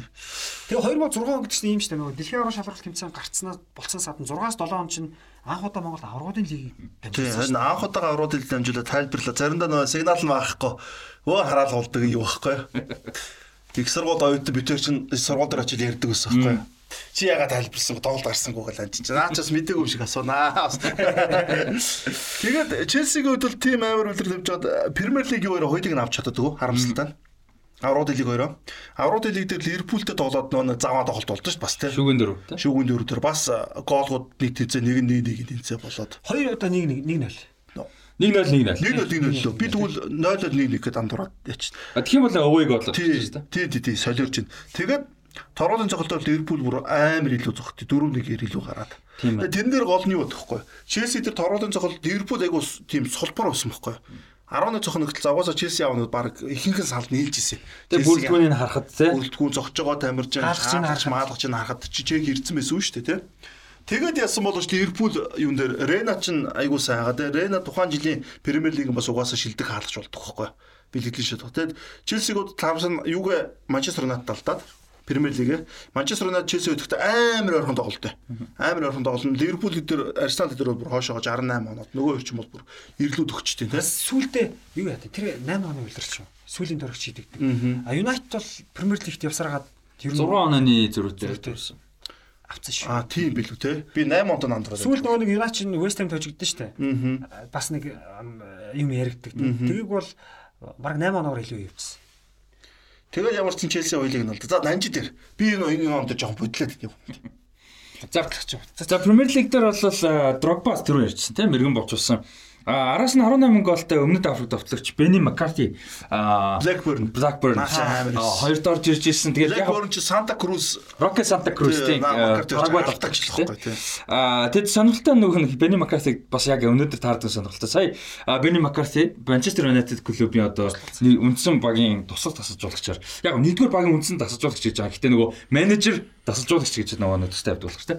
А орж ирсэн Дарren Fletcher. А менежер биш юм уу те? Менежер ч одоо тэн хаг байхгүй. А тэнгуүтээ нэгдүгээр багийн дасалжуулагчд гэвнгүү Дарren Fletcher Дасалжуулагч багтлаа. Шинэ одоо баг тийм. Стафтайгаа. Ерөөсөл Тенхагийн яг дараалал орох л одоо өртөл хөнгө болж орж ирж байгаа юм байлээ. А тэгээ ер нь үүрэг нь бол товтлогчдод ерөөхдөө Наа ч юм уу сайн тасалжуулагч тасалжуулагч. Наа ч өөрөө сайн тоглож байсан шүү. Үүрэгтэй гэж байна лээ. За тэгээ Роналдо 17 голтой, Руни Видука 2 14 гол хийж. На Руни Роналдо хоёр чинь нийлж галзуураад 30 гаруй гол хийгээ тэгээд угаасаа Манчестер Юнайтед зогсоход хэцүү байсан л да наа ч юм бол. Яг тэр жил те энэ хоёр одоо бүр болгодог жил нь. Аа байсан. За тэгээд Премьер лиг яриагаа дуусгачихвол өргөжлүүлээ. Премьер лигт Ливерпул Арсенал 2 3 4 дороод Эвертон 5 дороо тэгээд Тоттенхэм 5 дороо. Тоттенхэм 5 дороо тийм Мартин Мартин Йолын Тоттенхэм 2 жил дараас 5 дороо. Тэгээд устж ямарч. Тэгээд Ливерпул Эвертон 6 Болтон 7. Тий. Болтон амар байсан тий. Тэгээд Ливерпулийн хувьд бол аврагуудын лигт бол тухайн жил бол салгаж авсараад бас муу бүрэлдэхүүнтэй байсан. Ливерпул сайн тогсон тий. Хамгаалалт аюу сайн. Хамгаалалт ер нь Ливерпулийн давуу тал тэр шүү дээ. Хамгаалалт нь сайн довтлохоо мөхгүй. Тэнгүүл 1-0 0-0 1-1 тэгж дуусаал тэгж эвэг голын дөрмөр явсараад гарчдаг. Гэтэ Ливерпулийг нэг магтах нэг тоглолт болсон л доо. Энэ юу вэ гэхээр аврах цолыг хамгаалагч Барсатай шүгэ 16 таа. Галдагтай. Тэр ч амар тоглолт л гэхдээ. Одоо Барсагийн хувьд нэг юм байгаа байхгүй. Барса бол Английн багуудтай сайн тоглолттой. Одоо Манчестер Юнайтедыг бол ихэнх тохиолдолд хождог. Арсеналыг хождог. За Челситэй бол нэлээд ойрхон гоё алалцдаг. Гэхдээ Барса бас хэрэгтэй үр дүнг авч чаддаг. Барсагийн ерөөс ганц тоглож чаддгүй л баг байгаа. Ливерпул. Ливерпул. Ерөөсөө л Ливерпул тийм байсан одоо ч тийм. Одоо ч тийм тэр 2001 онд UEFA Cup-ын хагас шишээд Барса илүү тоглоод Ливерпул. Ерөөсөө л Барса Ливерпул Тэгээ тэр үеийн Ливерпул Барсарын тоглолт 2-1-ээр эхлээд бол Барсаг л бодор хожид ч Ливерпул цагаар хожигдтiin тийм. Тэрэн дээр Ливерпулийн бүрэлдэхүүнийг харах юм бол яг үндэ Барсагийн бүрэлдэхүүнээс хамаагүй муу бүрэлдэхүүн байхгүй. Крэг Бэйл маань тоглоход байна уу байхгүй. Тийм. Тэр тэр тоглолт. Тэгээ бодлоо нөгөө талд нь амар амар гарууд тоглолтод тоглож байгаа шүү дээ. Тэгээ тэр тоглолтын юм нь юу болсон бөхлөө нэг хин Крэг Бейлам чинь голддсон шүү дээ. Мөргөж голдчоод нэг юм гольфын цохорын нэг юм селебрашн яасан гэж авра хатма. Рисик гольфын зодороор нэг цогсон ч идэг үлээ зодсон ч идэг үлээ тийм яриагаар тэгээ рисээс уучлалтгүйч цохороор юм celebration барсадаар хийдэг тийм. Тэр яг хойлоо гол хийж тийм. Тэр тоглолтын дээр бол барс үнэхээр тоглож чадаагүй. Үнэхээр тоглож чадаагүй. Ливерпул зүгээр хамгаалалт нь амар тэгээд сөрөг дээр хурдан нэг баг биш Ливерпул гэсэн мөртлөө тэгээ барсагаар. Тэгээд хариу тоглолтын дээр бол Барса 1-0-оор хождог. Гэтэл Ливерпул тэр тоглолтод зүр идэж уддаг байхгүй тийм. Ливерпул ерөөс хамгаалцсан. Би тэр бүр санаж байна. Ливерпул бол гэхдээ үр дүнгийн төлөө тоглоно шүү дээ. Тэгтээ тоглолтын дээр ч гэсэндээ Барсаас нь идүүлж чадаагүй шүү дээ. Нэг хачин гол оруулаа. Ливерпулийн дээр хаалганы шомон ондог тэр Сисокогийн цохол мохол баг оронгоо алдсан шүү дээ. Яг ер нь сүүл рүү бол Ливерпул бол таг хамгаалцсан. Бүр тэр чигээрээ суугаад. Тэгээд Гудионсон нэг хийгээд юугаар тоглолтоо хоёр тоглолтын дөнгөөр нөгөө away голоор тий хожоод гарч ирсэн. Тэгээ Барсагийн тэр үйлрэл бас муу тоглолт үйтэй холбоотой гэхээр 2006 оны зун Ларсны явцсан. За Ларс нь бол угаасаа явна. Итогийн тэлтэй байд. Тэнгүүт нэг довтлогчгүй болоо нэг Гудионсноор л тоглоодсэн шүү дээ. Ер нь үйлрлийн ихэнд. Тэгээ Барса ч Лалигтэй ч олон оноо алдаад За Лалиг нь одоо аврагуудын лигийн дараа яриа тийм. Ямар ч аврагуудын лигээд дуусгач тийм. Сая одоо Премьер лиг бол ерөөхдөө ярьчлаа аврагуудын лиг рүү одоо шилжсэн тэрийг Тэгээд өргөжлөө. нөгөө талд нь Милан, Манчестер Юнайтед гэдэг хөлбөр. Тийм шүүгэн дөрөвт. Тоглолтууд болдог. Түүхэн тоглолтоо тийм. Түүхэн тоглолтууд. За тэрийг нанжи дээр. Би бас санахгүй тоглолтоо амар болж байна. 3-0-оор дууссан. Юнайтед Миланы яг нөгөө хэсэг за тэгээ шүүгэнд 16 8 юу болов гэдгийг дагаж яриул. Ромаг 7 нэгт чинь жил үстэй. Тийм байлаа. Тийм шүүгэн. Ромат бол ер нь шүүгэн 8 2 таар дараа жил бас таарна. За тэр жилийн хэсгийн тоглолтууд бас гоё гоё хэсэг болж исэн. Юу вэ гэхээр нөгөө юу Манчестер Юнайтед Селтиктэй 2 удаа ороод хоёр тоглолт нь хоёуланд Накамура Яг үнэ. Чигээд. За тэгээ Юнайтед бол хэсгээс гардаг. За Арсеналыг бас ярих хэрэгтэй. Арсенал нөгөө 2006 оны 100 Emirates стадиум цэнгэл түрээлэн ашиглалтанд ороод тэгээ Арсенал ч яг тэр үед юу яасан юм аа? Нэгч англи тоглогчгүй шахуу тоглоод байсан. Арсеналын бүрэлдэхүүнээс хоёр англи байна. Нэг нь Тиа Волкот яг үндсэн биш. Тэгээ нэг Justin Hoyt гэдэг. Тийм тийм. Хамгаалагч биш. Энэ хоёр гэхдээ Hoyt ч бас сэлгээ штэ. Тэгээ Арсеналын бүрэлдэхүүнийг үзэхээр дандаа гадаад удаг байхгүй. Хаалганд Лема хамгаалтанд түрээ Галс 2. За зүүн байла. Клиши. Оо, клиши. Тийм клиши. Баруун хэмээлээ. Ибүэ. Ибүэ Эммануэл Ибүэ. За тэгээд Фабрегас Жилберто хоёр. Хилеп, Росицки. Росицки Хилеп хоёр. Урд Анри, 6 он гэхээр 7-оос 7 он гэхэд Вампирси. Анри Вампирс. Тийм, Андре Вампирс яг үнэ тий. Тэгээд Арсеналын бүрэлдэхүүн. Арсенал бол 2006 оны 100 бол нэлээд том шинжил хийсэн. Прессиг явуулсан, Беркамп зодог тайлсан, Ибүэг явуулсан, Лораниг явуулсан. За тэгээд э, юм залуучууд авсан. Гэтэ Арсенал бол яг юу гэдэг юм бэ бас их гоё байсан боловч яг тийм аль аль фронт тийм өршөлтөх хэмжээнд бол байж чадаагүй. За тэгээ аврагын лиг буцаад ингээд ороход аврагын лигт ямар ямар гол гол тоглолтууд болсон бэ гэхээр та санаж байна нөгөө шүгэ 16-д Арсенал Эндховн тоглоод эхлээд Эндховн нутагтаа нэг тэгэр хождог нөгөө Эврели Гомш ч гэсэн бүх цогцолтыг хаагаад. Тэгээ хариу тоглолт болсон чинь Эндховны Алекс хамгаалч өөртөө гол хийгээд 1-1 болоод Гэтэ цаг дуусгах нь Алекс мөргөж хийж юуг авч гарч идэг те алдаагаа цайруулж. тэгээ баг нь үнтэй илаа. цаашаа 8 руу орсон. Тийм. Реал Мадрид нөгөө шүгийн 16-д нөгөө Байернтэй нэг алцаад нэг нэг бардгүй штэ. Тэгээд нөгөө Байерн цаашаа үлдчихийла. За ингэж явсараагаа тэгээ шүгийн дөрөвт Милан, Манчестер Юнайтед, Ливерпул, Челси бас амар дөрөв үлдсэн байгаа шүү те. За тэр жилийн Милан гэдэг бол үнэндээ супер Милан байсан. Тэр жилийн Кака гэдэг бол ерөөсөн Тасрах. бүр супер. Зосоод ч үүсэн тий. Өсөө харахгүй Кака. Какаг фэнтези дээр аврагын лигийн фэнтези дээр авахаар оноо бол ерөөсө бүр бат. Бүр ерөөсө тоглолт болгонд голтой ассисттэй. Тэгээ Кака ч тэр юуг шийдэ хийсэн шүү дээ. Юу н бүгд тэр баг тэр үлрэлийг какаш хийсэн шүү дээ. Аврууд лиг бол тий. Селтик Селтик баг явж явж Милантай хамгийн сайн удсан баг нь тий. Шүгэ 16. Тэ тэг тэг байгаад Нэмэлт цаг тийч Нэмэлт цаг дээр кака бүр яадаг штэ. Сулоор дүмсэн тий. Тийм бүр тэгэн барин хойцдог. Тэрс тэр тэр үлрэл бол кака зүгээр бүр зогсогт хорг байсан. Мэрэн Милан. За тэгээ хагас гişэд бол манай үзэгчд маань мэдж байгаа Манчестер Юнайтед өөрийн талбай дээр 3-2-оор хоцсон боловч Сан Сирод болсон хариу тоглолтод 3 тэгэр өждөг. Какаг нөгөө аимшигдаг бол. Хайнц Евро. Евро Еврорыг хоёрыг мөргөлдүүлдэг. Орж ирээд. За яа тэрийг санаж байгаа шүү дээ. Тэр Би тайлбарлаж хэлсэн шүү дээ. 2007 Би тайлбарсан юу айгу муу санаад байна. Хүү ер нь тайлбарсан тоглолт муу санд. Харин айгу муу санаад. Яг зүгээр ямар ч тийм ажилгүй ингээд яг үлдчихсэн тоглолтоо л хүн Тайлбарлаа илүү олон юм процесс хийгдээд нөгөө тоглолт нь үлдэхгүй юу? тоглолт үлддэггүй те. Тэгээ тэнд ингэсэн юм аа. Монголд анхудаа дамжуулаад нөгөө нэг манайхан ч заяа түрүүнд хэллээ шүү дээ. Шууд дамжуулахдаа бас нэг жоохон алдаа гараад байгаа. Тэнгүүт яг тэр хагас гişээ тоглолтуудыг Монголд яг юу гэж үзүүлсэн бэхээр шүн одоо яг ингээд 2 4 5-аас тоглолт болж байгаа шүү дээ. Тэрийг үндэсний телевизээр бас нэг бичдэг байсан баг те. Бичиж аваад өглөө нэг 6-аас үзүүлдэг байсан шүү дээ. Санаж байна уу? Тийм тийм тийм голд өс тий. За тэгж яваад тэгээд финал за финал. Милан Ливерпул тэр яа Какагийн гол тэр юун дээр бол Манчестер Юнайтед фанатуудыг бас адаа ташуулдаг шүү дээ Кака ч. Араас шидэж өгөөд 3-2-ын тоглолт тэр бол амар тоглолт тий. Какагийн дээр гол бол угаасаа тэр тоглолт нэр амар том бүм бол дараа нь угаасаа Манчестер Юнайтед яагаад ч бардаггүй. Роналдо рууны орчим бол Какаг бол угаасаа амжид угаасаа тэр хагасуудын дилдэг юм л та хагасуудын. А финалийн тоглолт бол ерөөдөө тоглолтын өмнө л угаасаа яг хаа 2005 он тоглолцсон байсан 2007 онд дарж байгаа. За Милан бол бүрэлдэхүүн үед бол яг үндэ 2005 оноос баруун мууд шалааг байсан. Одоо Шевченкиг оронд Какан супер одоо ороод ирсэн тий. Тэгээд 5-ны финал дээр Инзаги тоглож чадаагүй Креспо байхгүй одоо Инзаги. Инзаги тий. Яг хоо Креспо нь бол илүү байсан гэж үзэж болно тухайд. Инзаги ч юм бол яг хоо гайгүй л байсан. Креспо чи интерт бол та. Тийм Яг хоо тэр- 5 оны та- таван 5 оны Креспо амар байсан тий. Тэгээд Ливерпул бол яг хоо тоглолт бол угаасаа нэг жоохон ойролцоо болох магадaltaас яг бол 5 оны Ливерпулээс жоохон илүү дүүсэн байхгүй яг бол бүрэлдэхүүн гэхээсээ илүү тулцлахын үед сэтгэцэн үед илүү өссөн байхгүй Ливерпул. Яг ерөнхий үндсэн бүрэлдэхүүн энүүгээрээ ингээд явцсан. Илүү туршлагатай болсон. Яг үнэ. Тий, тэгээд ингээд тоглолт эхлээд явж байгаа тэр бол яг хоо Какаг бол аюулсан хамгаалт Ливерпул. Угаасаа Ливерпулийн Рафаэл Бенитсийн баг бол угаасаа хамгаалтанд бол амар баг ус довтлоо муутай. Какаг бол аюулсан хамгаалтай. Инзагийн хоёр алчтэй. Тэр нэг нь болохоор аюу Стандарт. стандартаар Тийм. Пирло зохиод Инзагийн мөрөндөн зохиод орчтой. Тэр бол анцныг бол. Тэр ороогүйсэн бол тухайн тоглолт бол бас Яач ирэх вэ? яаж ч магадгүй тийм 0-0 дээр явж байгаа нэмэлт цаг дээр ч юм уу дуусах магадaltaй л байсан л Яг да. тэрэн дээр нөгөө нэг сая сүүлд энэ- яг энэ энэ өнөөдрийн үйлрэлт бэлтэж байгаад Инзагийн ярьцлага үзчихсэн чи тэгжсэн. Яг тэр үйлрэлт нөгөө нэг Пирло үндсэн нөгөө чөлөө зохицохдаг үнээсэн. Тэгээд ер нь бол мань хүн яг тэр байрлалаас зохихоор хаалгач өөдөөс ер нь зохиод байсан юм аа л тэр үйлрэлт бэлтгэл дээрээ ч гэсэн тэгж зохиж байсан. Хаалт авуулахгүйгээр. Тэгээд Инзаги яажсэн бэ гэхээр нөгөө мэдээж финишер учраас хаах ойх янз бүрийн бол хамгийн түрүүнд очино. Тэгээд шууд гүдэг хамгийн одоо офсайдын хамгийн ардын хөрний хүний ардлага нүний ард шууд гүдэг. А тэгээд тэр үйлрэлт би тэрэд яг баталжуулж чадаагүй л дээ яг үгүй. Гэтэ Инзаги өөрөө тэгж ярьсан юм.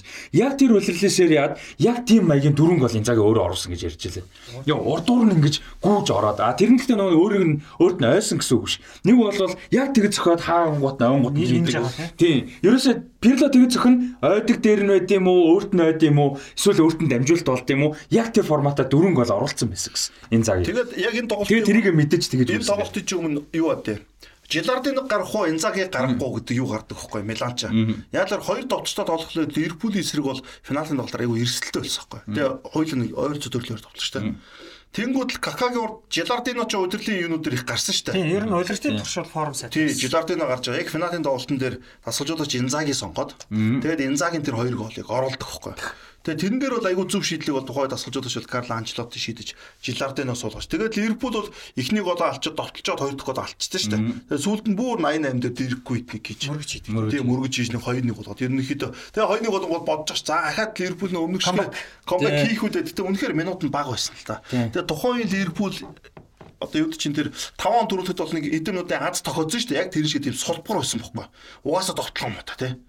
Тэгээд Ливерпул бол тухайн жилээ тэгээд яаж чадаагүй дээ. Үнэхээр Миланыг бол Какагоос хамгаалсан. Гэхдээ энэ цагт тоглолт шүү дээ. Аврагууд лигийн финал дээр яг үндэ өөдөртэй финал болсон. Энийг нүглэхэд бол Яг гэхдээ яг дэлхийн авраг чи одоо дахиад хүлээлт тахгүй нөгөө Ливерпул Милан хэрвч бүр ингээ амар хүлээлт үүсчихгээ бас ингэчээд байгаа байхгүй. Финал нь айгүй муу финал болсон. Ер нь том тэмцээнүүдийн финал хасагдах шатны за ялангуяа финал яг энтертейнинг тоглолт бол нэг ховор тий. Одоо тэр Милан Милан Ювентус биш Милан э, юуны Ливерпулийн 3-3 бол айгу ховор юм шүү дээ. Тийм. Юу нь бол хагас шиг нь бол хамгийн амар болтой шүү дээ. Хариу тоглолт тий. Тийм үн цэнтэй хамгийн гол нь. Би тэр тэр жил бодохгүй яг Ливерпул гарсан би баярлж байгаа шүү дээ. Гэхдээ тухайн жил Челси гарсан бол Милан Челсигийн тоглолт амар финал болсон.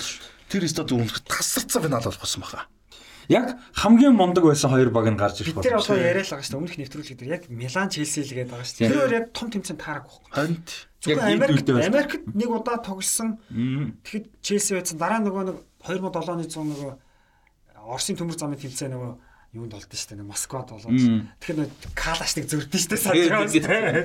Байн Челси гэж Ливерпул игчдэг гэсэн. Аа тий яг гэдэг байхгүй тий. Ливерпул дунд нь ороо. Ливерпул чинь яг хасагдах шатанд бол ингэждэг байхгүй. Тэгээд хамгаалц зайтай багч тэгээд Ливерпул Милан ч асгацсан шатнд таарж байгаа үгүй шүү дээ бас. Дандаа финалта таардаг байхгүй. Тэнгүүд Челси ч Ливерпулд даарчтэй. Тэгээд Челси ч Ливерпулд явчихдаг. Хинд одоо ингээд нэг Ливерпулийн нэг давуу тал байгаа байхгүй. Английн баг. Тэгээд нөгөө нэг дандаа тоглолдог. Тэ? Яг мэдээд шүү дээ. Түүнээс өөр улсын баг бол Челсиг бол хэцүү хэцүү шүү дээ. Хэцүү. Челси бол амар байсан шүү. Барсаныг зогсоодог. Барсаныг яс үзчихэж нэг үгүй аваад шүү дээ ер нь. Тэгээс бол Челсиг бол зогсоон. Мориньогийн Челсиг бол зогсоонд бол хэцүү байсан шүү. Жог аз дутсан Морино бол тий. Морино бол дутсан.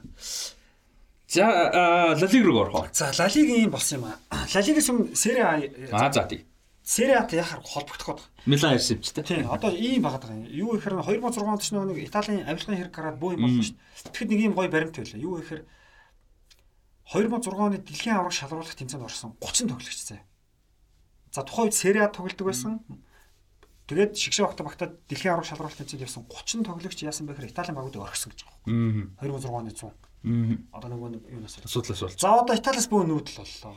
Ювентусээс явлаа, Миланаас ганц хоёр тий. Аа яг за одоо э, Ювентусээс нөгөө нэг Лилиан Тюрам Замбрато хоёр Барсаар руу явлаа. Эмерсон Канавара энтер Реал руу явлаа. Ибрахимович чинь А Ибрахимович Вера Интер Интер рүү явлаа. За одоо ингэ сери А ярих гэж байна. За тэнгуүд ерөөс Италид өрсөлдөө байхгүй болсон. Юу гэхээр AC Milan өмнөх удирдалтанд бандуулаад нэг хэдэн оноо асуулаад арай гэж аврагын лигээр авсан боловч дараа удирдалтанд хасах 8 оноор. Тэнгуүд AC Milan-ы хувьд ерөөсөө юу гэдэг юм байхгүй болчих. Аврагын төлөө өрсөлдөө байхгүй. А тэнгуүд Интер ерөөсөө бүр тасархаа хэд вэ? Аа за Интер Милан 38 тоглолт ойлгомжтой тоглолтоос 30 хожиж 7 тэнцэж нэг хожигдчих 97 оноотой дөрвсөн. Арын баг. За арын баг нь Рома 2-д орсон 75 оноотой 22 оны зэрэгтэй. За тэнгууд Интер ч одоо хин алж байгаа Креспо Ибрахимович тий. Юусе Интер бол ерөөсөө ямар ч өрсөлдөөн байхгүй. Интер тэгээд 89 оноос хойш яг нэг талбай дээр авраг аваагүй шүү дээ. Тий. Одоо 2006 онд 3-т орцсон байжгаад яг статистикаар л авч байгаа. Сүүлд авраг авч. Яг талбай дээр тоглож тий. 18 жилийн дараа авраг авч байгаа байхгүй. Тэгээ энэ нь ер нь бол Интерийн амар орчин үеийн амжилтыг эхлүүлсэн. Эннээс хоошоогоо бол дараалаад нойлцсон шүү дээ. Тийм 5 билүү 6 төрүүлсэн тийм. Үүтэртэй болох хэвээр. Тийм. Үүтэртэй болох хэвээр. За одоо ингэ сери А ярих гэж байна. Ла Лигийн энэ болсон юм аа. Ла Лигийн сүүм сери А 2 Тэгээ Ювентус алсан. Тий. Тэгээ дараа нь Ювентус өдөртөө болгосон. Тэгээд э, Рома байгаа. Аврагын лиг ирэхийг юу явж байна? За Лацио. Лацио Милан. Аа за. Тийм маань Милан дөрөвт орсон. Лацио гуравт. Милан бол лигтэй бол угаасаа юм онооны алдагталтай явж байгаа юм ингээд. За Италийн Сериагийн бууч тэгэхээр сони юм гарна шүү дээ. Аа 26 голд Франческо Тотти мэрэгэн боч болсон. А ардаас нөгөө Лукарелли сүүлийн хэдэн дугаар Лукарелли гэж Сайн байгаа. тоглогч жоо сайн. Сайн тоглогч. Тий, сайн жижиг багт сайн тоглогч. За тэгээд Криштиано Криштиано Ригано гэж Мессинагийн довтлогч, Мессинагийн довтлогч. За Роландо Бянки гэж хэсэг бошгшээ мөшөө тогсон сүүлд. тоглогч. Бержинагийн довтлогч. За Никола Аморусо гэж нөхөр байсан. Амроос Аморусо биш, Аморусо Итали тоглогч. Тийм. За тэгээд Адриан Муто 16 голтой Фиорентинад. Фиорентина. Фиорентинад. За тэгээд Лука Тони Фиорентинад бас адилхан 16 голтой. Энэ хоёр хоёулаа 16 16 голтой. Ибрахимович 15 гол. Интер бодоо олгосон мөртлөө одоо голоо ер нь л нэлийн жигэд хуваасан. Креспо нь. Тийм Криспо Ибрахимович тэгээд янз бүрийн тийм тоглож хуваасан. Энэ жил чинь юу яадаг багш 6-аас 7 он гэдэг чинь Фиго очоод 2 дахь жил нь бараг баг шүү. Тэгээ Фиго одоо 3 дахь хөлөрлөн эхлэж байна. 5-аас 6 6-аас 7 одоо энэ одоо 2 дахь боллоо тийм болдог байна. За Одоо сая тийм гоё нэр гарлаа шүү дээ. Одоо Мессина клуб гэдэг. Мессина. Аа. тийм Итали Месси. Месси мөн биз дээ. Мөсч ус Итали шүү дээ, тий. тийм тийм. Итали галтай Аргентинууд л зөндөө. Тий. Аргентины бараг 60% Итали гаралтай тоглож шүү. Яг нь өдөр бид хэлсэн нөө Фабрицио Колочини гэж тийм. Нэр шүү. Тийм. Калчио гэдэг шиг Квачини. Занатти тэрээд тий. За тэгээд э, тэр жил бол Италийн лигт бол Итали лигийн ста хамгийн өдөртэй жил байхгүй ч тий. Төрүүлэх баг нь тодорхой. Интер фэнүүдээ цаах. Тий. Тэгээ нэг Роми хоёр баг л хоорондоо мөнгөнд л алдсан баг та. Рома Лацио хоёр та. Тий. Өнөө Лацио бол аврагын лиг ирэх авах хэмжээний баг биш байсан шүү дээ тэгээд. Тэгээд өнөө Италийн сериач үүнээс хойш ингээ бүр унтсан. Одоо юу гэдэг үүнээс өмнө бид нар чинь ингээл Итали бас гоё л байсан шүү дээ. Тэгээд яа. Тэгэл яг үүнээс хойш нэг нэг явцсан те. Аргагүй аргагүй Ювентус нь байхгүй болоо тамирчны явчаар тэгэл. Тэгээ Итали гэдэг юг хандлагаа уусаа өөр болгоцсон шүү дээ. Ай дээр хотлоо тоглолт амиалцдаг гэдэг тий. Тийм хандлагаа бас бий болгоцсон. Тэгээ. Энэ нэр төрөөс эргээх гэж Итали чинь амар олон биар хийсэн баггүй дараа нь 2013 12 онд ч ёо энэ юм өөрчилсөн шүү дээ. Лигийнхэн лого могог өөрчлөөд ивент шимтэж оруулаад шал өөр мөр болж Одоо энэ жил ч нэг өөрчлөлт хийсэн шүү дээ. Оноо тэнцэх юм бол Юу оноо юм бол яг багш тоглуулахар болсон шүү дээ. А тийм лөө. аврагд л ингээд хоёр баг оноо тэнцэх нэг гол ч юм хоорондын тоглолтод дээр дүр гардаг бол энэ хоёр тоглуулахар болж байгаа шүү дээ. Наа ч юм бол сонир юм тий. За тэгээд э, Италиас нөгөө Испани за Италиа би түрүүн түрүүлж яриа гэдэг нь Италиас нэг Испани руу нүүдэл байгаа байхгүй юу. За тэнгууд Агуул тоглож явсан. Дээрээс Итали явар болцсон. тийм Итали гэдэг чинь тий. Тийм тэр жил тэгж таадаг. За тэнгууд одоо Фабио Капелло Реалд очлоо. Реал ч нөгөө нэг 2003-аас 6 оны хооронд ч баг 10 тасгалж үлгцүүлсэн.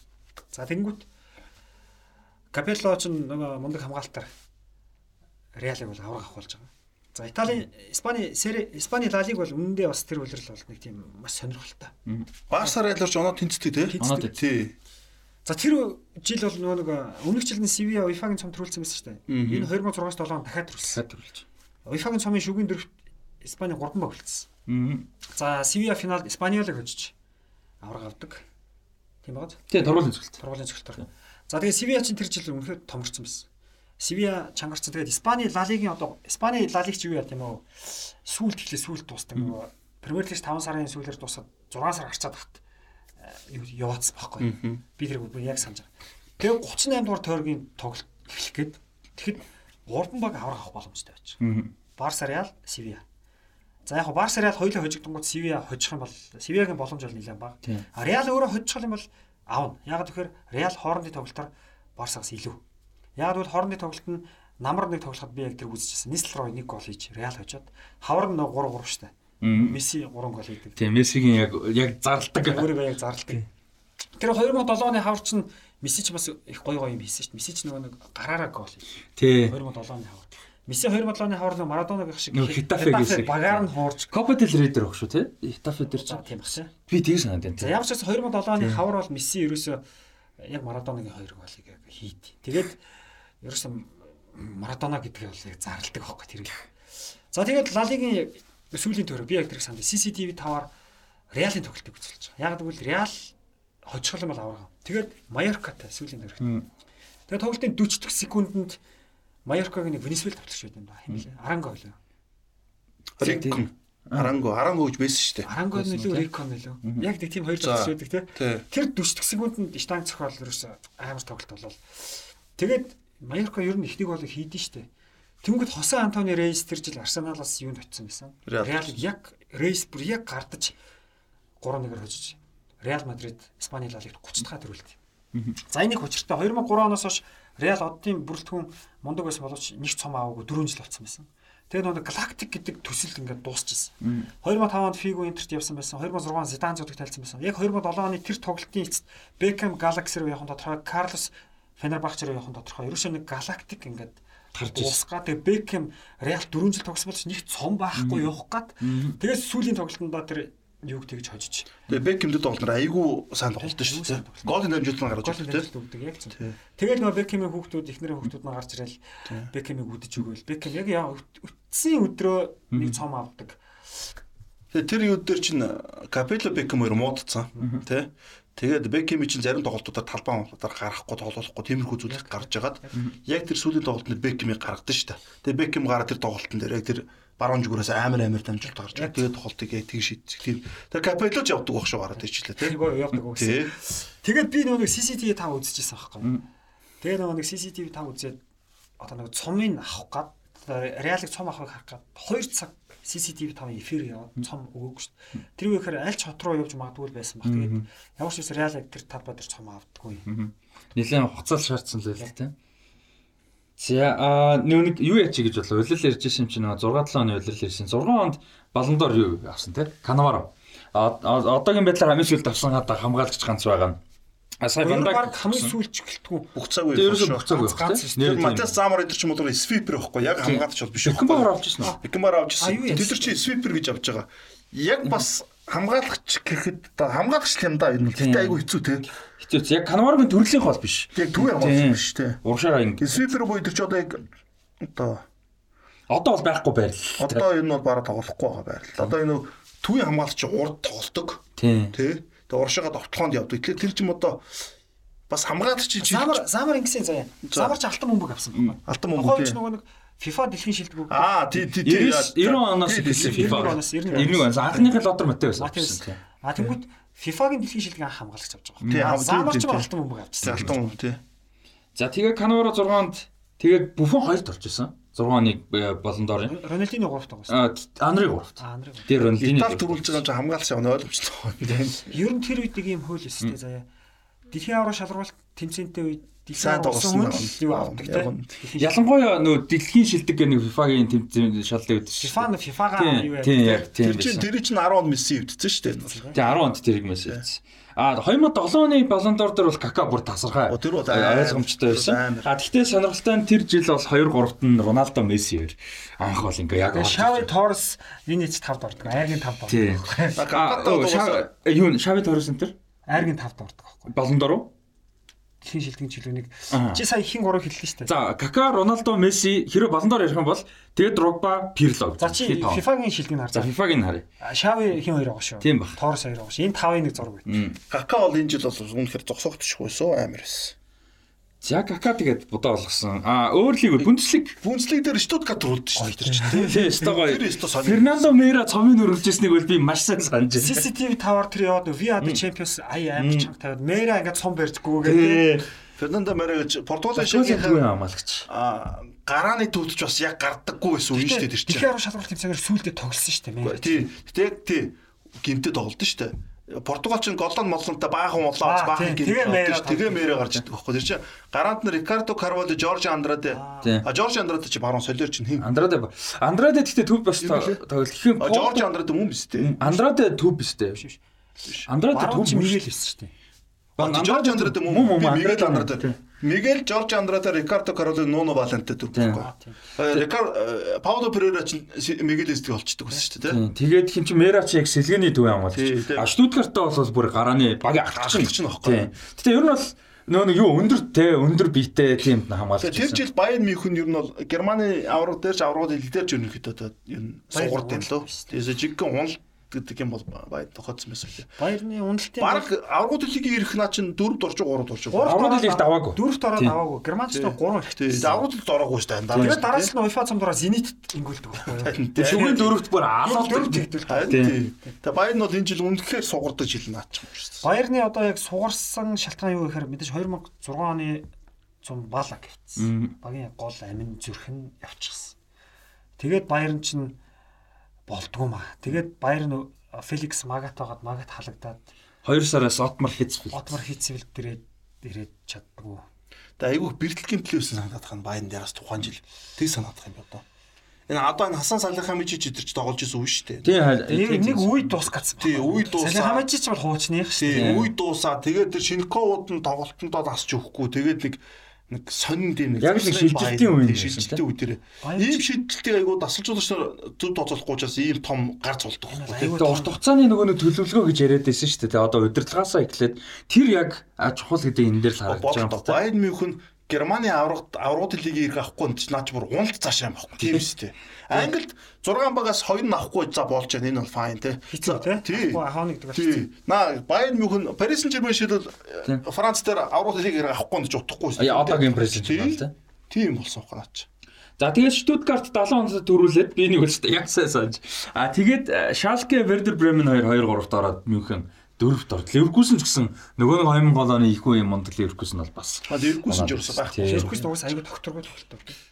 За тэгээд одоо хүмүүс Дортмундыг асууж магадгүй Дортмунд бол 9-т орж ирсэн. Дортмунд бол 3 онд 3 оноос хойш унтсан. Дампуураад бүр дампуураа тэгээ сэрэгчсэн. Мөнхөн бүр мөнгө ингээд туслалцаа үзүүлж Тий. бүр яаж исэн. Наа чин бүр Дортмунд чинь 6 онд яаж захтаа Росицкийг Арсенал руу явуулсан.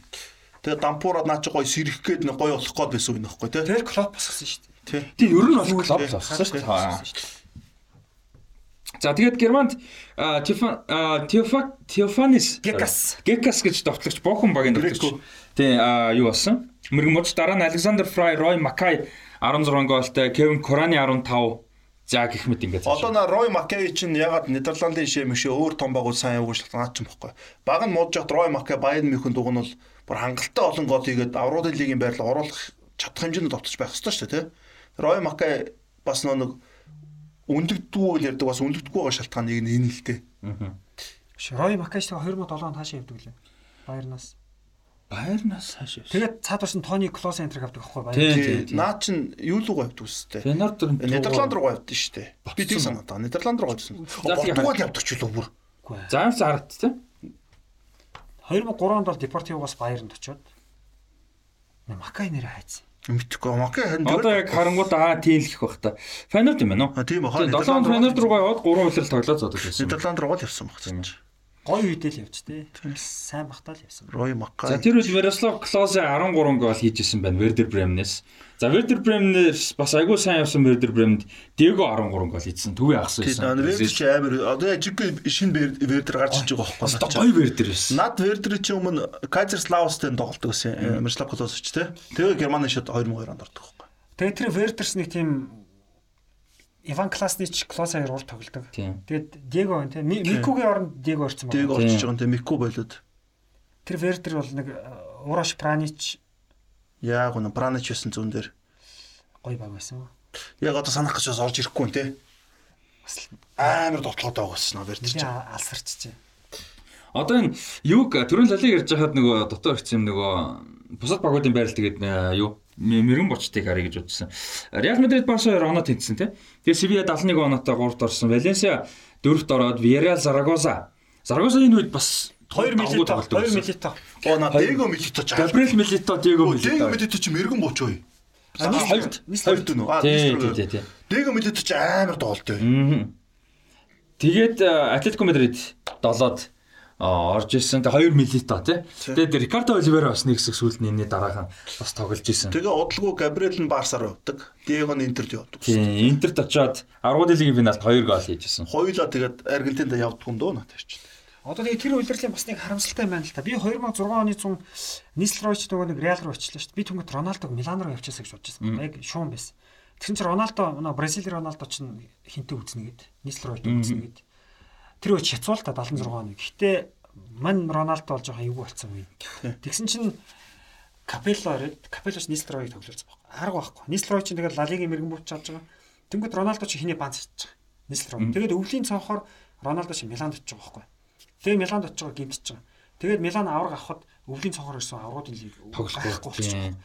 Бразил Роналдо 100 нь хэрвээ явцсан бол аврагын лигийн медальтай авах чинь авчих байсан. Ганц аваагүй медаль нь авраг. Итали сэрэ аваагүй бас. Сэрэ аваагүй аваагүй л үү? Интерт та төрүүлж байгаагүй Милан төрүүлж байгаагүй юм ба шүү дээ. Сонь байгаа. Тэгэхээр сүүлд нь тийм байна тийм байна. 2007 онд чинь төрүүлэг юм ч тийм байна. Аа за тэгэд э, Испани Лалиг Пичичи замд бол э, Нестро 25 голтой, Милито 23, Фредерик Кануте Роналдиньо 2 21, Форлан 19, Давид Виас Ваенсагас 16. Нас бах юм би. Гэтэ наа чи бас гарч ирж ирсэн хүн шүү Энэ дээ. гой тоглогч гарч. Одоо Раул Тамудо Баяно 2 15, Торрес Месси 2 14, Мориентес 12, Даниэл Гуйса энэ ч сүүлд нь бас Торрес Дараа үлээлт үлээлт мэрэгэн шүү дээ. Тийм Торрес 11 гол. Торрес юу өдөр чинь Давид Вилля Куйса өдөр чинь яг дараа жил нь алдаг. Тий, тий, тий. Яг жиг нэг бацаанууд гарч ирээл нэг э, Давид Вилляч бол бацаан байгаагүй л дээ. Үе энэ өмнөх хүлрэл нь хоёрт орсон байсан юм байна. Тэгээ дараа жоохон нь ах бастай. штэ. Тий ах тий хамаагүй Торрес За ус. дөрөв нь ярьжсэн хин э, Самуэль Ито бол бэртсэн. Нилээ бэртэлтээс тэгээд 11 голыг бол оруулсан. Форумтай бэртэл хөвдлгүй Ито бол 10 гол оруулна гэж бол байхгүй шүү дээ. За Бундслигийн хувьд бол иймэрхүү Ла Лиг. За Францын лигт бол тэгээд Лион төрүүлгээрээ төрүүлсэн. 17 онооны зөрүүтэй төрүүлсэн Педро Паулета мэрэгэн бож авсан. Тэр үед бол ерөн Паулета тэгээд нэг 15 6 эгээл мэрэгэн бож авчдаг. Тий Паулетч угаасаа Франц дээр сурцсан л да.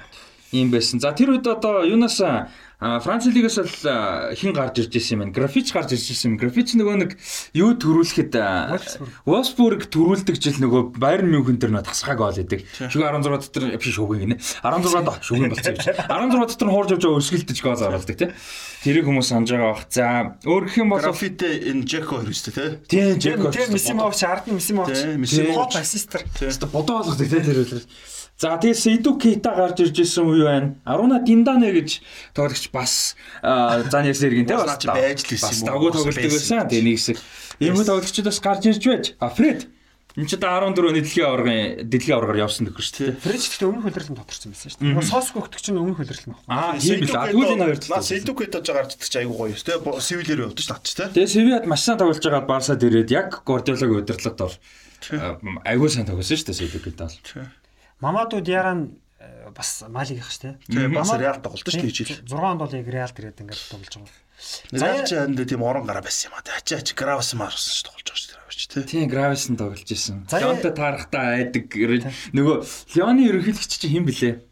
А биш ерөнхийлөгч юм биш ээ нөгөө директоруудын нөгөө спортын захирлэмжлэл нөгөө аврагын лигийн ш- шүгэн 8 дэлөө таардаг чи хизэн нэлээ Леон тэгээ 16 ч 16 10 16 дэлөө тэгээ нөгөө таарад Бас юм хайж, лээ. тий. Тэрэн дээр нөгөө нэг суглаа болдог дээр ингээд нөгөө харуулдаг. Тэр амар гоо Реалиг байцсан байж гисэн аа. Дараа нь Леоныг сугалсан чинь нөгөө Леоны э, захирал инээдэг тэр бүр амар гоё байсан.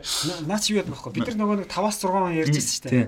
Нөгөө нээлтийн тоглолтод Леон ч Реалыг 3 тэгэр хоцсон гэдэг. Тий, тий, тий. Жунино пенальт алдсан шүү дээ. Тэгсэн бол бүр дөрөвтэйг байхгүй. А тэнгууд дараа удирдал нь энэ 6-аас 7 ч нөгөө хоёр дахиад орчих.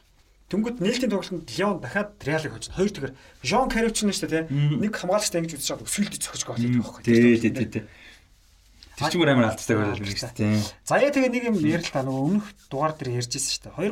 2006 онд Севиа UEFA-гийн цом төрүүлчээ дараа жил нь төрүүлдэг. Гэхдээ нэг маш хүнд тоглолт Шахтяртай хийдэн шүү дээ. Наа на Полопи мөрөгдөг. Ган би өнөөдөр жоохон юу байна? Юм жоохон санах нь муу байна. Тэгээд э, юуны хувьд бол Севильягийн тоглолтын дээр э, Шахтараар тоглоод цаг дуусах гад Севилья гол хийхгүй мултарчих га тий. Тэгээд нөгөө Алисон голдсон шүү дээ нөгөө Ливерпул дээр хаач мэд яг тэр шиг Палап бараас орж идэг хөхгүй. Тэгээд Палапи чинь хар увцтай тий. Аа Севилья ч өөрөө цагаан гөвстэй. Палапыг хаян ч хамгаалдаг хөхгүй. Уус хаадч орж ирээ. Тэгээд Булан булан угаасаа л хамгаалт булан баруунаас ирсэн чинь палап орж ирээ мөргөөд. Тэгээ Нөгөөх нь шон дээр хүн байхгүй. Тэр цаг тусчаад уг шон дээр хүн зогсох хэрэгтэй байсан тий.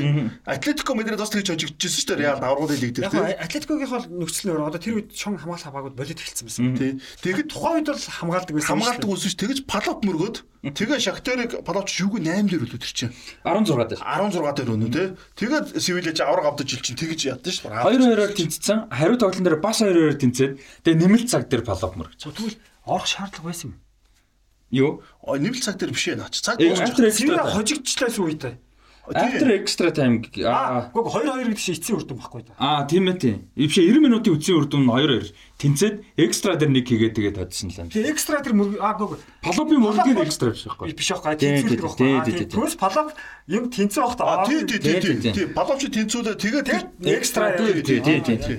Гайхлаа шүү дээ. Би бас гайхлаа шүү дээ. Палап экстра тэр мөргөцөө Палап бэр дээр нэмэх дөрөв дээр. Бүр яг дуусчих. За дуусчих тусдаг байхгүй наачаараа. А тэгээд аа энэ тэгээд 105 дээр нөгөө ургаа давтлагч байсан шүү дээ. Хавер Шивантон гэж давтлагч байсан шүү дээ. Юу давтлагч байсан? Тэгээд Шивантон хийж исэн юм байна. Сивиад байсан. Тий. Тэгээд нөгөө талд Илано бас байсан байх шүү шигтэр. Тэр үед. Илано тэгээ 10 онд тоглосон шүү дээ. 11 номер аваад дэлхийн 10 шалралт баруун зүгрээ хагас дээр гараад тэгэл ихний тоглолтод гараас уусч шүү дээ. Нэг гимтэж шүү дээ.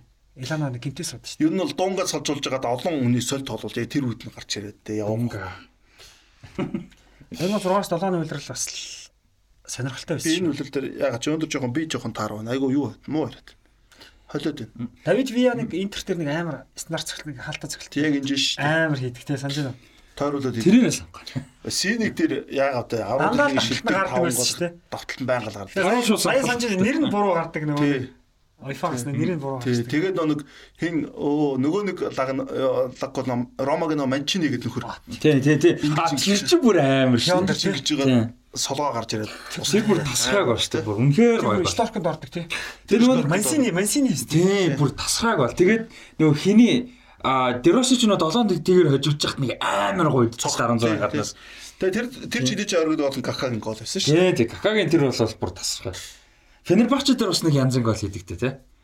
Тэр чинь энэ үлрэл мөн үү? Какагийн хэсэгтэй хаад. Хэсэгтэй байх тий тий хэсэгтэй хасахтар бол. Какагийн тэр үеийн тэр жилийн голууд амар амар сайн голууд ордоо шүү дээ. Дандаа гоцсон гоцсон тоглолтын голууд тий. Төвөөс уурж явж байгаа л баруун слог хоёр талаар гарч байна. Амар зөвхт тий. Тэр бол янз янз. Яа тэгээд Сивиа тэр жил бас их сайн нөгөө нэг UEFA цом төрүүлснээс гадна Copa del Rey бас төрүүлсэн. Тэр жил тэгээд хоёр цом бас өргөсөн. Мундаг амжилттай. Челси ч бас тэгдэ.